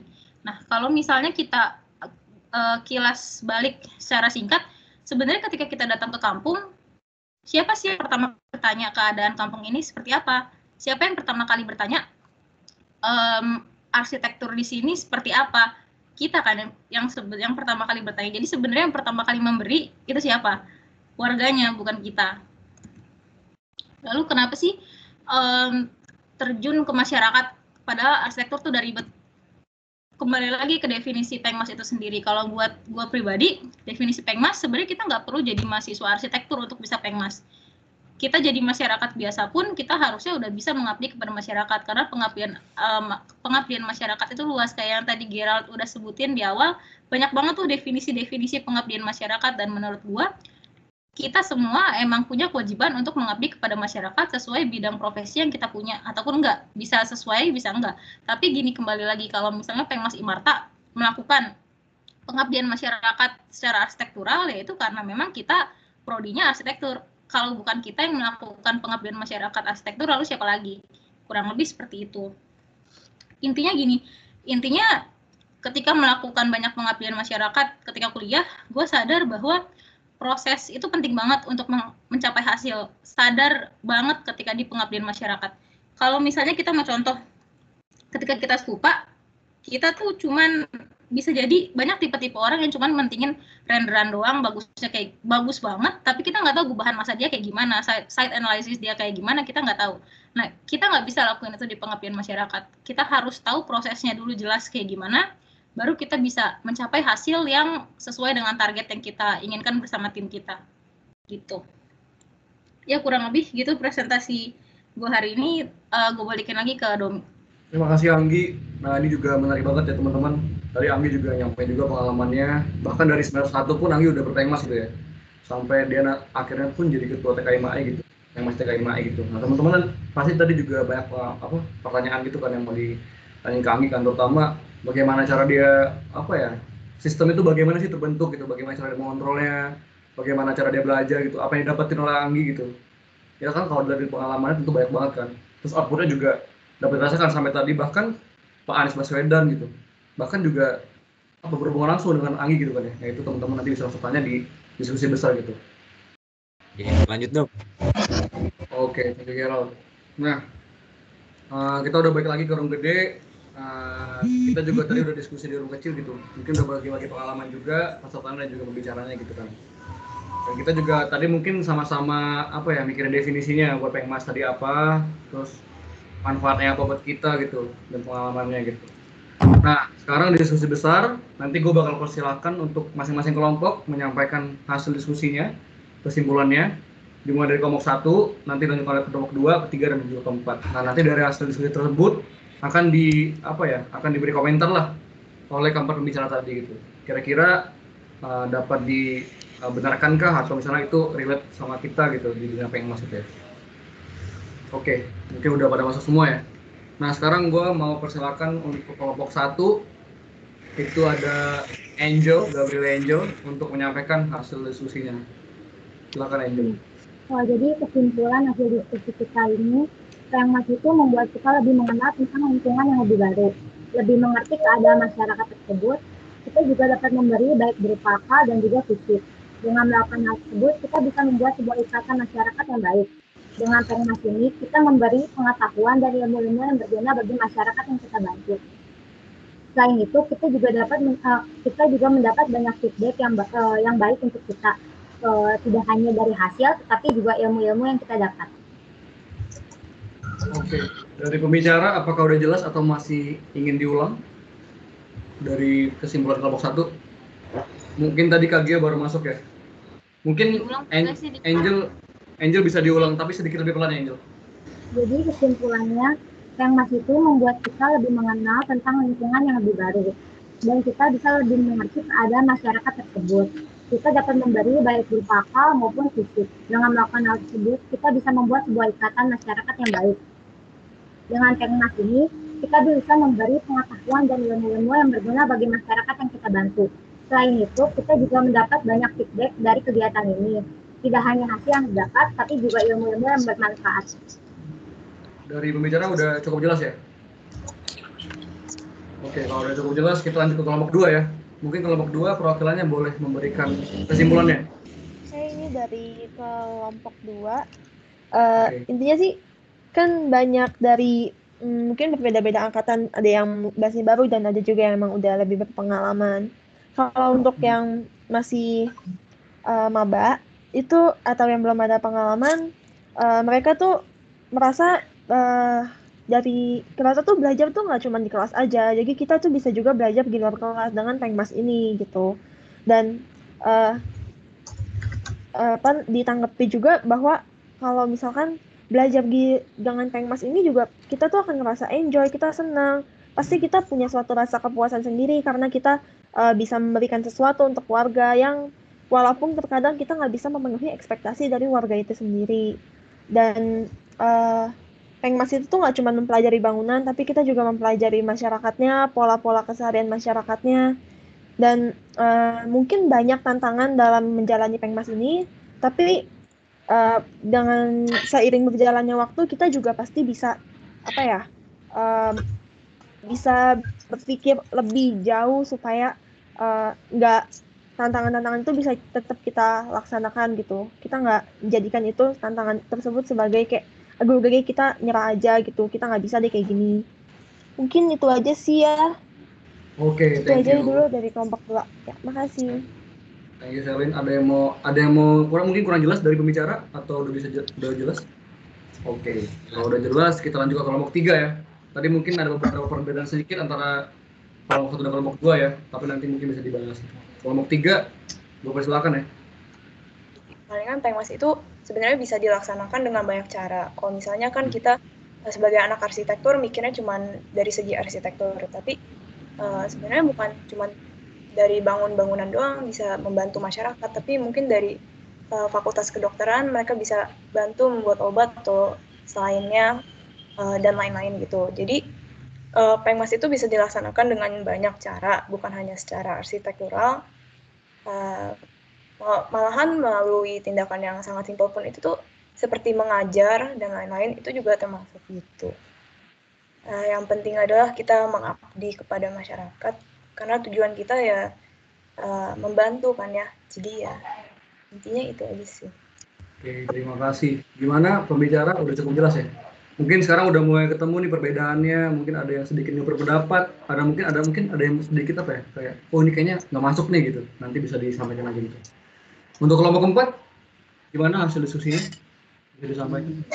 Yang bisa disimpulin itu, jadi Pengmas itu adalah kegiatan yang bertujuan untuk membantu masyarakat. Nah, hmm. terus uh, kenapa sih kita tuh uh, harus ikut Pengmas tuh? Yang pertama itu buat dapat banyak insight baru. Terus yang kedua kita bisa merasakan hal-hal yang belum pernah kita rasain sebelumnya. Terus uh, kita bisa mempraktekkan cara kerja langsung. Terus itu adalah suatu kegiatan yang mulia terus kita bisa memperbanyak pengalaman, uh, terus kita bisa mem membuat peluang baru untuk mahasiswa-mahasiswa lainnya, dan kita bisa membantu untuk memperbaiki taraf hidup masyarakat yang masih awam. Udah segitu aja sih, Kak. Oke, terima kasih. Nah, mungkin dari pembicara, mungkin ada yang udah mulai mau ngomong duluan. Nah, gue persilakan ya. Gerald kayaknya udah unmute ya. Gerald mungkin ada pendapat? Gue unmute dari tadi sih. Um, tapi emang semua definisi pengabdian masyarakat menurut tiap orang emang nggak bisa ada yang salah dan benar pasti semuanya punya pengalaman masing-masing uh, yang jelas kan tadi poin-poinnya pasti ada untuk membantu masyarakatnya lalu ada uh, banyak ya yang bisa dilakukan dari lintas bidang juga semuanya bisa. Jadi nggak cuman semata merta-merta cuman bidang teknik doang yang bisa melakukan pembangunan tapi ternyata banyak itu yang bisa. Hmm. Gitu sih paling untuk merangkum ya kalau menurut gua. Jadi emang harus dari uh, apa ya dari bidang pengmas dari bidang apa ya arsitektur juga. Tapi masyarakat umum pun kalau misalnya mau berpengmas juga sebenarnya bisa gitu kan kira Iya bener banget. Tapi yang penting uh, harus dilakukan dengan proses ya mungkin kalau dari tadi yang udah dijelasin Gio juga dari kasih balik sendiri kan juga walaupun uh, beda outputnya yang dilakukan nama kita di bidang arsitektur tapi kan ada risetnya ada brainstormingnya dan itu yang dinamakan sebagai hmm. proses hmm. pengabdian masyarakat gitu. Hmm. Oke. Okay. Kalau menurut Gio gimana Gio menanggapin keempat kelompok tadi? Sebenarnya ini kayak yang tadi gue bilang ke kelompok gue, mungkin gue pengen ulangin juga gitu karena uh, rada mirip kondisinya. Tadi tuh yang gue dapat dari teman-teman semua, gue lihat kalau misalnya teman-teman di sini tuh semuanya tuh udah paham gitu tentang seberapa uh, pengabdian masyarakat tuh apa sih? Kenapa perlu ada? Gimana uh, terus uh, baik atau enggak sih ada pengabdian masyarakat dan mereka udah punya divisinya masing-masing gitu dan gue yakin semua 53 orang udah ikut acara hari ini, oh 54 orang yang ada di sini pasti punya definisi dan punya ininya sendiri tentang pengabdian masyarakat kayak Gerald bilang tadi. Tapi yang gue yang pengen gue tanyain sekarang di sini itu adalah kalian tahu tapi apa yang udah kalian lakukan? Nah, jadi sekarang itu jangan cuma sebatas sampai kayak hmm. kalian tahu aja ada nih pengabdian, ada konsep pengabdian masyarakat, tahu nih butuh ngapain, tahu siapa butuh apa, tapi apa yang dilakuin. Nah, jadi menurut gue lebih ke arah tentang pengabdian masyarakat itu bukan tentang diskusi sebenarnya. Tentang aksi apa yang udah lo lakuin. Nah, itu menurut gue. Oke, kena banget ya. Tadi Cynthia juga sempat chat tuh, kena banget nih kata-kata Gio gitu. Sebenarnya ya kita ngerti teori gitu ngerti teori ngerti definisinya bahkan kita ngerti apa aja manfaatnya ngerti. Tapi ya kalau kita ngelakuin ya itu bakal percuma gitu. Definisi itu juga bakal hilang aja gitu kan ya. Mungkin kayak gitu kak Gio ya. Oke. Thank you kak Gio udah berpendapat. Kak Anggi gimana? Ada pendapat kah? Setuju banget sih sama Gerald sama Gio. Maksudnya uh, yang ikut kali ini kayaknya udah punya definisinya masing-masing. Pengmas itu kayak gimana? Tadi juga setuju banget sama Gio. Uh, udah tahu Pengmas kayak gimana terus apa yang bisa kita lakuin gitu kan. Nah tapi uh, ya tadi gue juga sempat sampaikan di kelompok kecil, maksudnya jangan diambil pusing. jangan diambil pusing pengabdian masyarakat dari yang kita tadi ceritain. Maksudnya ada kampung apung ada si Indonesia ada apa ada kasih balik ah, Papua segala macam jangan diambil pusing maksudnya pengabdian masyarakat sekedar kalian bikin Instagram tentang arsitektur misalnya, tentang informasi arsitektur atau misalnya tentang masak misalnya yang kalian suka, sesuai dengan kapabilitas kalian, kalian tahu caranya gimana, kalian bertanggung jawab dengan itu, kalian itu udah pengabdian masyarakat menurut gua. Nah, uh, paling satu hal yang menurut gua kita tadi belum bahas uh, metode kali ya. Jadi kalau dulu tuh Bu Clara uh, dosen Untar sempat bilang metode itu jalan. Nah, gimana kita bisa uh, mencapai hasil, kita bisa mencapai target itu kan butuh jalan. Nah, jalan kita nih beda-beda. Berarti metode kita nih beda-beda. Metodenya kasih balik sama metodenya Imarta sama metodenya TKIMAI pasti beda. Nah, itu yang harus kalian cari tahu, itu yang harus kalian gali terus. Kalau misalnya arsitektur metodenya kayak gimana? Kalau misalnya kedokteran metodenya kayak gimana? Nah, itu adalah waktu kalian untuk belajar. Nah, sama satu lagi uh, menurut gue buat kalian semua um, jangan jangan lewatin privilege kalian sebagai mahasiswa. Karena tadi juga gue sempat singgung tuh di grup kecil. Uh, waktu udah lulus berasa banget nih gue.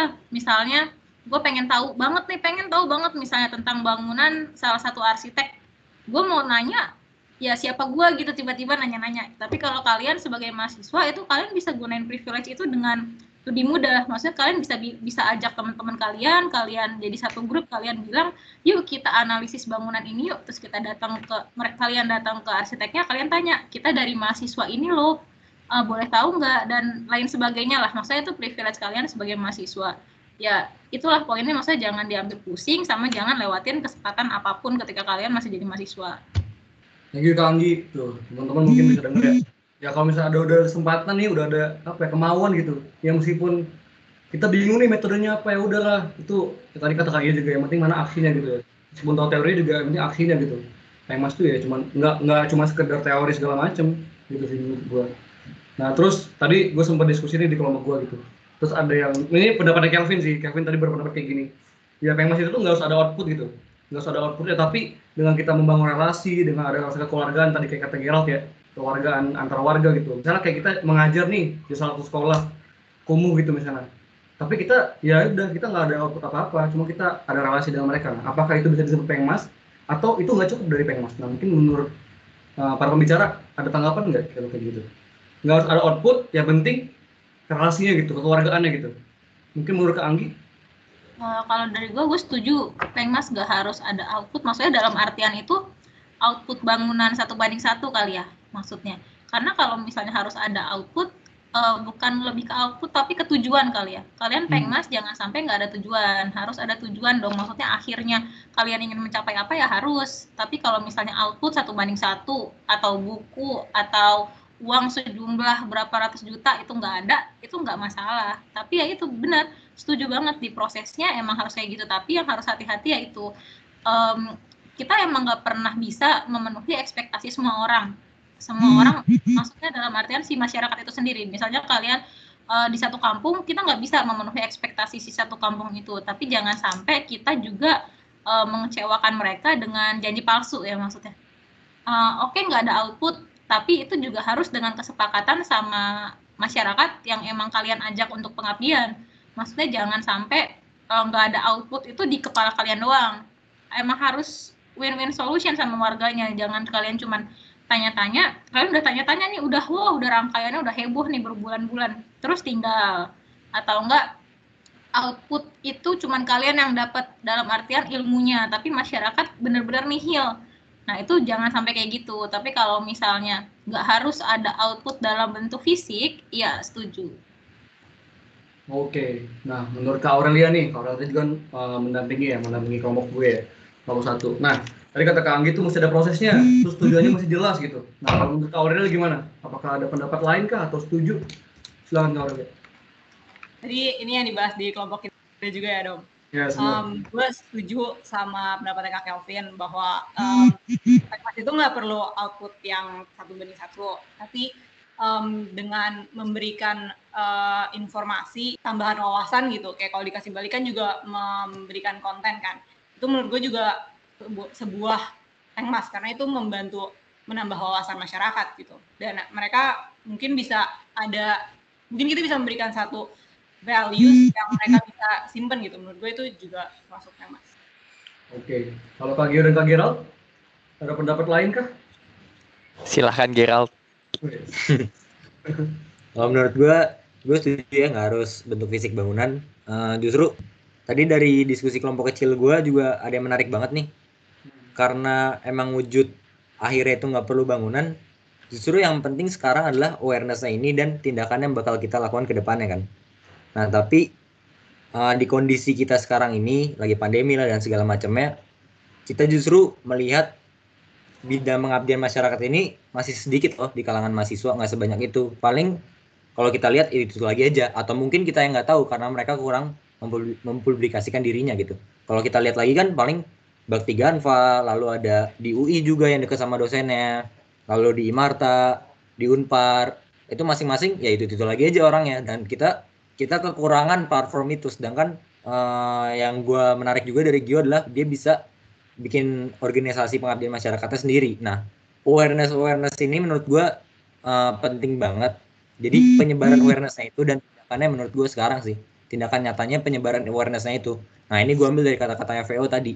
Jadi waktu gue tanya kira-kira kalau ada kesempatan buat pengabdian masyarakat nih kalau lu punya uh, VO uh, belum punya pengalaman dan kalau dia punya kesempatan itu dia pengen ngelakuin apa dan gue dapet insight baru sih karena ya yang penting sekarang diskusi-diskusi ini semakin banyak gitu, semakin banyak awareness kayak gini dan akhirnya bisa mewujudkan sesuatu lagi gitu ke depannya.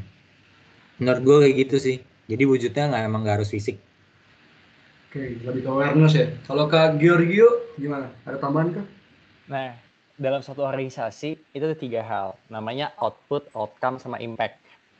Nah, kalau tadi gue setuju tentang konsep bahwa ya nggak selalu perlu ada output. Gue gue setuju banget betul nggak perlu ada output fisik output fisik gak perlu ada itu gue setuju tapi ada perlu adanya outcomes dan impact karena kalau misalnya lu udah bikin output dalam hal misalnya menurut gue relasi keluarga itu bentuknya output ya itu tuh output juga tapi uh, intangible atau uh, bukan fisik jadi itu uh, kalau cuma sampai situ doang outputnya tapi nggak ada dampaknya ke mereka nggak ada outcomesnya setelah itu mereka jadi gimana terus impact ke sekitar mereka itu gimana itu jadi sama aja kosong nah di sini makanya kalian sebagai satu organisasi imarta mungkin itu harus bisa juga nge-mapping dari output apa yang kalian pengen bikin, lalu impact dan uh, eh sorry outcome dan impactnya itu apa. Di situ ketika kalian bisa sampai titik impact, artinya berdampak pada saat dari individu ke masyarakat secara umum, di situ kalian berhasil melakukan pengabdian masyarakat. Itu kalau menurut gua. Oke, mantap banget nih output, outcome, impact gitu. Ya itu kata-kata yang bagus sih. Ini Kak Giorgio mantap nih. Oke, mungkin gue balikin ke teman-teman semuanya. Kali ada yang mau nanya atau masih bingung tentang apa sih pengmas gitu? Kira-kira gimana gitu? Atau bagaimana? Atau kenapa gitu? Nah mungkin gue balikin ke peserta, ada nggak yang mau tanya ini? Mungkin dari alumni-alumni pengmas Imarta, ada yang mau menambahkan juga dipersilakan gitu. Bisa di aja ya. Mungkin Kak Deren, Kakak Uus, Kakak Monik, mungkin ada yang mau nambahin? Kakak Uus nih kayaknya mau nambahin nggak? Mungkin Kak Uus mau nambahin? Kayu Safira, oke. Dipersilakan nggak? Us saya Us. Kayu, boleh. Halo. Uh, ini Ayu angkatan 20, Kak. Oh iya, iya. Ade Ayu Safira ya. Ya, silakan Ade.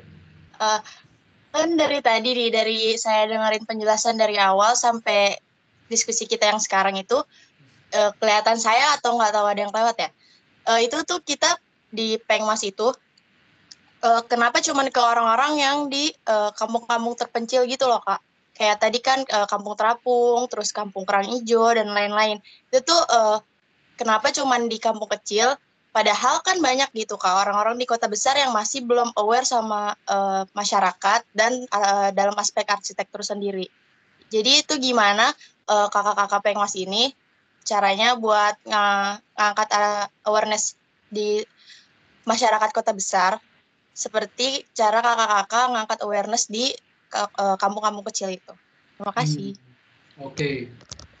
Pertanyaannya bagus banget nih. Ayu, mungkin ada yang mau nanggapin? Oh iya, Kak Deren mau nanya ya? Boleh Kak? Enggak, bukan. Tadi kan Ayu ngomong, uh, Ayu 2020 ya tadi yang nanya, kalau yeah. kok kampung-kampung kecil gitu loh. Kalau misalkan Ayu tahu, kampung-kampung yang tadi kita sebutin tuh, itu di dalam kota Jakarta loh. Dia nggak termasuk desa. Uh, dengan kita mencoba memperbaiki hal yang bentuknya apa ya intinya kampung-kampung ini masih bagian dari Jakarta gitu loh. Mereka masyarakat yang juga masih butuh bantuan, butuh di uplift. Nah kita kalau misalnya tadi Dom pertanyaan lo apa? Bagaimana kita ngerespon ya? Bagaimana kita menyebar awareness Yes. untuk orang-orang kota besar? Ya kita expose. Ini loh ternyata di Jakarta masih ada nih kampung-kampung kecil seperti ini yang ternyata standar hidupnya, maaf ya kasarnya, masih di bawah rata-rata orang kebanyakan yang lantainya masih tanah dan lain-lain. Cukup dengan kita mulai, dengan kita expose kayak tadi, gue ngutip dari Giorgio ya, eh, kita sekedar aware, kita tahu, and we do something about it, sekedar menyebarkan tentang itu, kita membantu. Kan nggak harus output satu banding satu kan? Kalian sendiri dari tadi ngomongin itu kan, nggak perlu, nggak harus langsung ada output. Cukup kita tahu dan kita menyebarkan. Kalian tahu nggak sih ada loh yang ternyata belum seberuntung kita gitu Oke, thank you. Thank you kalian penjelasannya. Jadi juga Pengmas tuh yang melakukannya di kampung-kampung kota juga gitu. Di orang-orang yang benar-benar membutuhkan membutuhkan bantuan atau mungkin ya perlu di- dipandang terlihat gitu. Mungkin dari teman-teman bicara ada Kang Anggi nih mau menanggapin, dipersilakan Kang Anggi.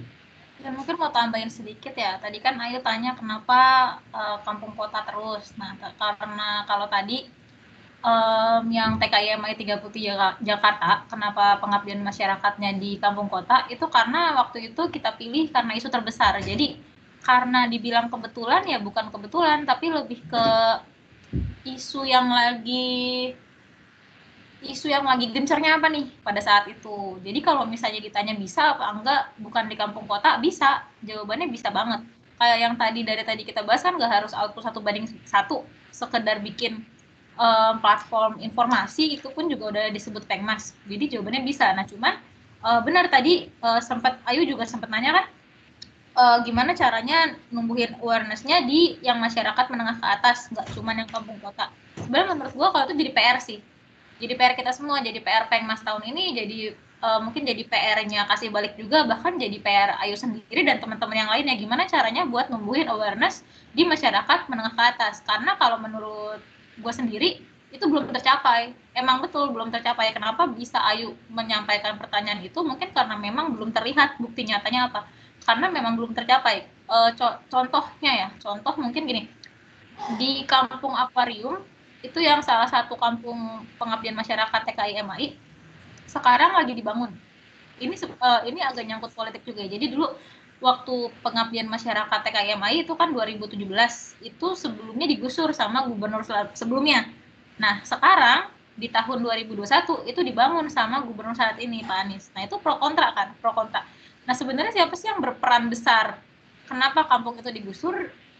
Itu masyarakat menengah ke atas. Kenapa? Karena si tanahnya kampung akuarium itu sendiri katanya kan beritanya simpang siur ya tapi katanya itu mau dibangun untuk wisata oleh gubernur sebelum nah maksudnya itu kan em, dari siapa lagi ulahnya dari masyarakat menengah ke atas terus kita lanjut eh, ada lagi isu pulau reklamasi maksudnya kita tuh orang awam sebenarnya kalau kita nggak terjun langsung ke masyarakat eh, marginal ya ke kaum marginal yang terdampak ya kita nggak akan tahu sebenarnya dampaknya apa sih sebenarnya. Nah si pulau reklamasi walaupun kita kedengaran megah wah gitu buat Jakarta kemajuan nih modernisasi tapi sebenarnya buat kampung-kampung terdampak itu tuh nggak nggak baik untuk mereka gitu. Contohnya karena pulau reklamasi itu nelayan-nelayan yang di pinggir di pinggir kota Jakarta itu jadi eh, kualitas ikannya menurun kehilangan pekerjaan kehilangan rumah. Banyak banget hal yang sebenarnya tuh mereka kehilangan. Dan masyarakat menengah ke atas belum tentu tahu kan sebenarnya. Sebaik belum tentu tahu. Itu maksudnya belum tentu semua orang itu jahat kan. Maksudnya bisa jadi mereka emang nggak tahu oh ternyata pulau reklamasi membuat dampak itu ya gitu. Jadi emang betul awarenessnya itu belum sampai ke masyarakat menengah ke atas. Jadi kalau menurut gua itu emang PR emang PR kita semua Oke Kang Anggi, terima kasih. Emang sangat kompleks ya oh, untuk Pengmas ini gitu. Gimana? Ayu, apakah sudah terjawab? Udah kak, makasih. Oke, terima kasih. Terus eh, buat teman-teman yang mau nanya masih di masih di perbahan. Mungkin dari alumni kakak Uus mungkin- atau mungkin mau menanggapi. Oke, kalau gitu, kalau misalnya kayak gitu mungkin eh, apakah masih ada waktu? Iya. Oke, nah ini mungkin satu pertanyaan terakhir sih. Tadi di kelompoknya gua ya, terutama ya, kalau Aurelia juga tadi dengar ya. Nah itu beberapa orang yang bilang, wah Pengmas ini prosesnya lama banget nih, panjang gitu dari risetnya, dari analisisnya, udah kata sama warga, nah terus menghasilkan outputnya juga panjang gitu.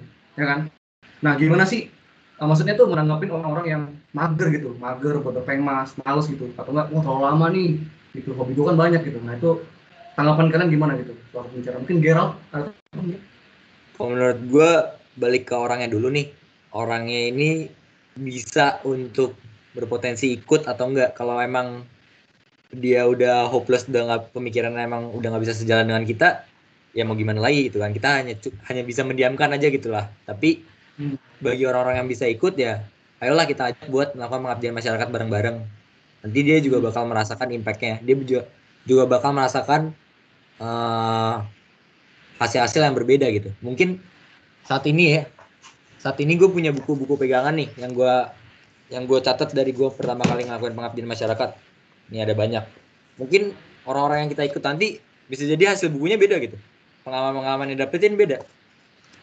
Jadi buat orang-orang yang masih bisa diajak kita ajak lah. Uh, dan hasilnya pun juga apa ya nikmat sih waktu kayak datang ke warga waktu banjir waktu pembangunannya itu selesai itu ada pencapaian tersendiri aja yang nggak bisa dirasain waktu kita cuma nugas doang gitu. Kayak kapan lagi kayak waktu misalkan waktu selesai revitalisasi pembangunan MCK kelar itu satu warga tepuk tangan itu rasanya apa ya? Ketir juga bangga juga. Cuman jadi apa ya? Ya mix saja gitu rasanya. Rasa kekeluargaan segala macam happy semuanya. Itu perasaan yang nggak bisa dirasain waktu kita cuma nugas saja dan menurut gue bagi orang-orang yang masih bisa diajak ya kita kenapa enggak gitu kita ajak aja bareng-bareng gitu Hmm. Semakin banyak semakin baik, semakin banyak kerjasama semakin baik. Komunikasi, kolaborasi. Oke, mantap banget nih dari Gerald Gimana kalau dari kasih balik nih?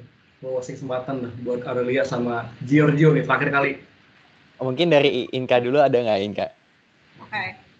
um, kalau buat gua um, kendala pasti ada capek kayak tadi juga di kelompok kecil gua ngomong tentang kalau turun ke jalanan tuh capek, terus um, prosesnya juga panjang, terus brainstormingnya panjang. Tapi menurut gue itu juga salah satu proses yang bikin fun gitu. Karena kita kan juga ngelakuin sama orang-orang yang punya tujuan yang sama kan. Jadi menurut gue dibawa fun aja sih. Dan kayak um, perasaan di akhirnya setelah kita ngelakuin pengmas itu, itu worth it banget.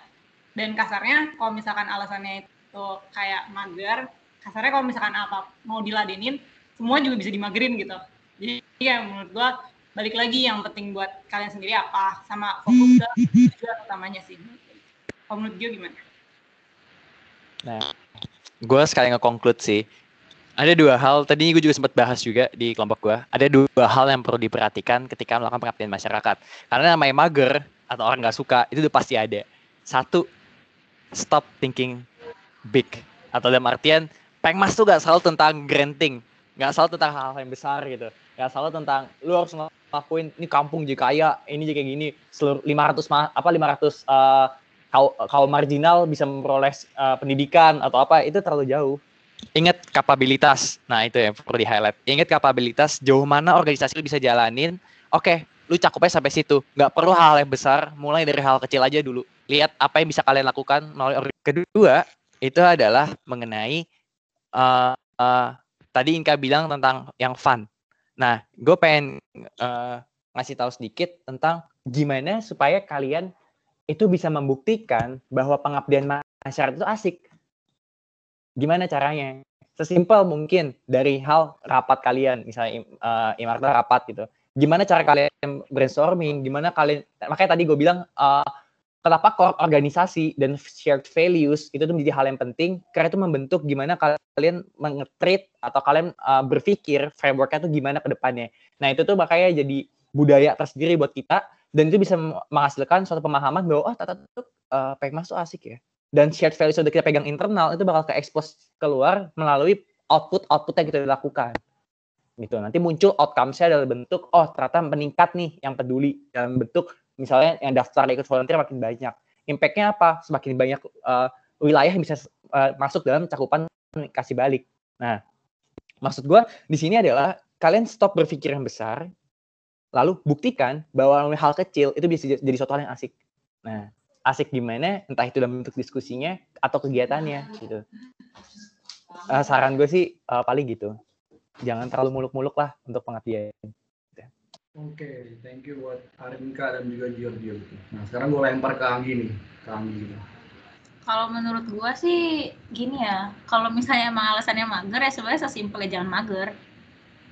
takut capek ya sesimpel ya jangan takut capek. Kayak udah sesimpel itu aja. Kalau misalnya emang kalian dari hati niatnya mau bantu masyarakat, lihat uh, evaluasi diri lah. Sebenarnya tujuan kalian ini apa? Banyak kok teman-teman pengmas bahkan waktu TKI MAI ketika pertama gue gini panitia waktu itu cuma 6 pada saat setahun kemudian 60 gimana caranya? Gue nggak lakuin pendekatan yang sama. Jadi 60 panitia pengmas itu tujuannya nggak murni ingin membantu masyarakat.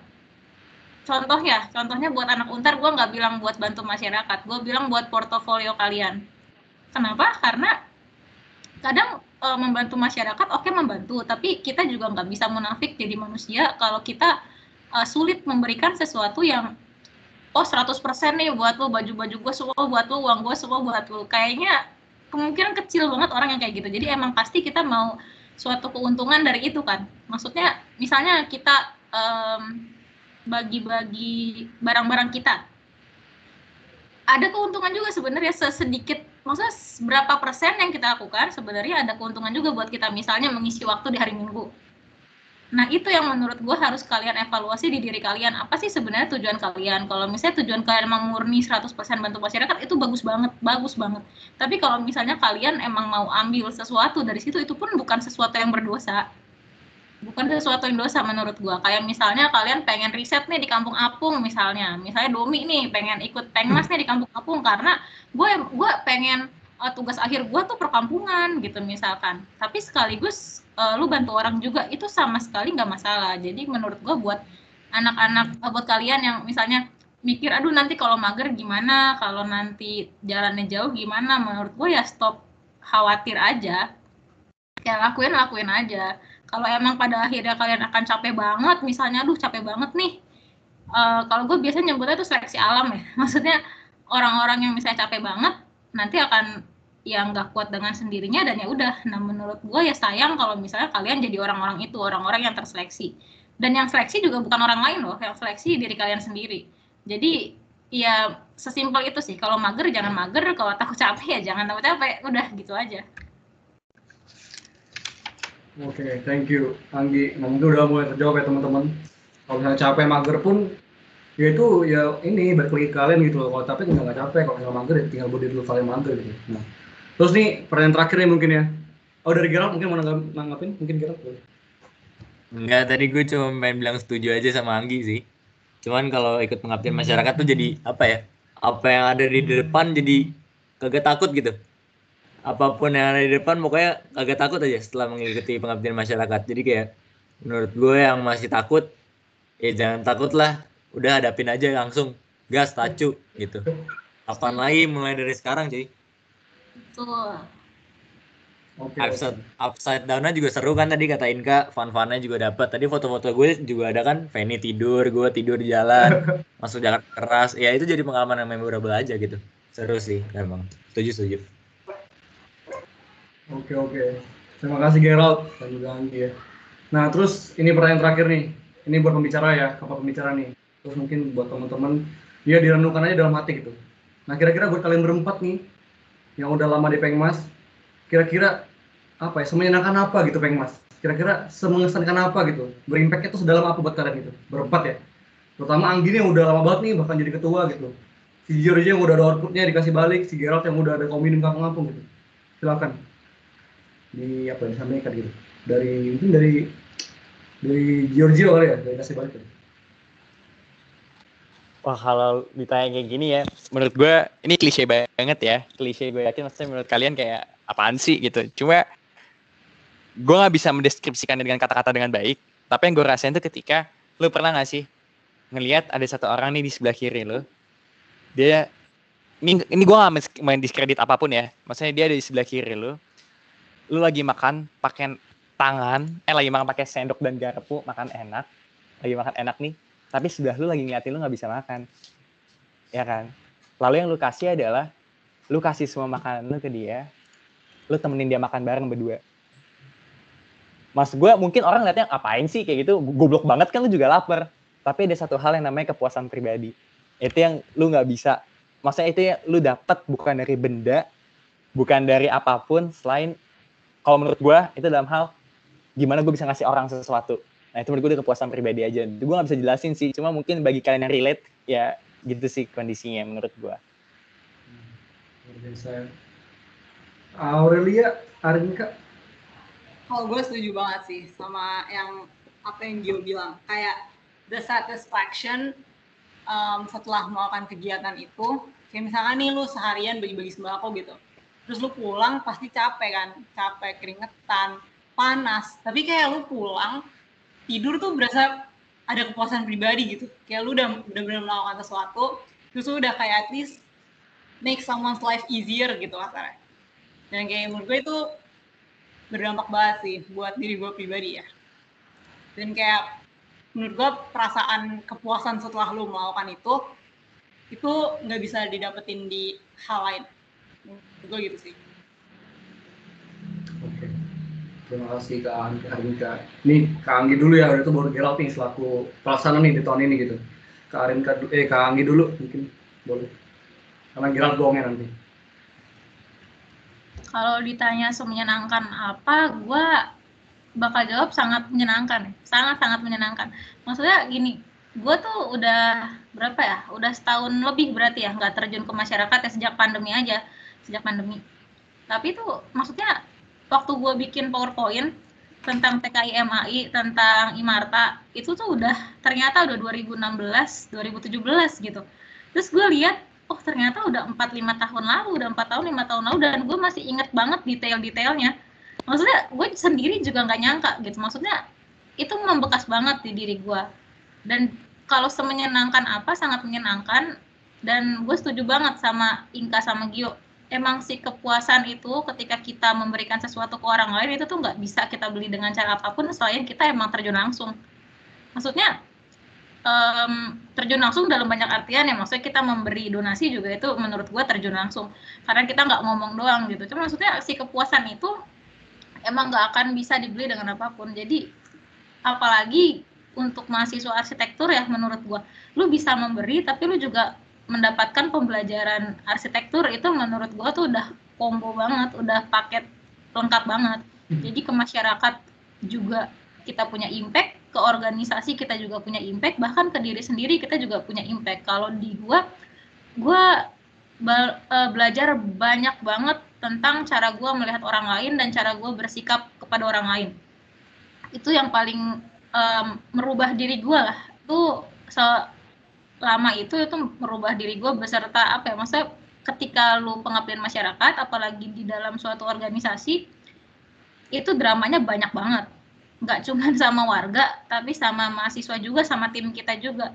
Dan si drama-drama itulah yang turut ngebangun diri lu juga. Cara lu memimpin cara lu bekerja sama dengan tim lu kayak gimana itu juga ngebentuk diri lu. Jadi kalau pengabdian masyarakat itu semenyenangkan apa menurut gue sangat menyenangkan ya. Tapi maksudnya dalam artian bukan happy happy doang. Tapi gue bangga banget gue gue melalui pengabdian masyarakat sewaktu kuliah. Dan gue maksudnya ayo gitu. Teman-teman yang belum pernah pengabdian masyarakat ayo cobain. Maksudnya nggak secapek itu kok. Nggak se apa ya maksudnya itu bukan sesuatu hal yang buruk gitu. Coba aja dulu pasti menyenangkan. Karena tadi juga Gerald di awal sesi sempat bilang kan kalau misalnya lu bakal ketemu keluarga baru. Itu gue setuju banget. Gue ketemu keluarga baru di organisasi iya di masyarakat juga iya. Jadi ketika gue datang ke kampung banyak banget ibu-ibu yang bahkan gue nggak tahu namanya. Maksudnya saking banyaknya gue nggak hafal nama mereka satu-satu gitu. Tapi mereka uh, gue datang tuh mereka langsung meluk kayak oh mbak Anggi apa kabar segala macam nah, kepuasan kepuasannya kayak gitu yang nggak bisa dibeli Keluarga baru ya. Mungkin sekarang kita juga udah jadi keluarga sih, kita bareng-bareng ya. Mungkin sama Kak Giorgio, Kak Aurelia, dan Kak Anggi, dan juga Kak Gerald tuh udah satu keluarga kayaknya.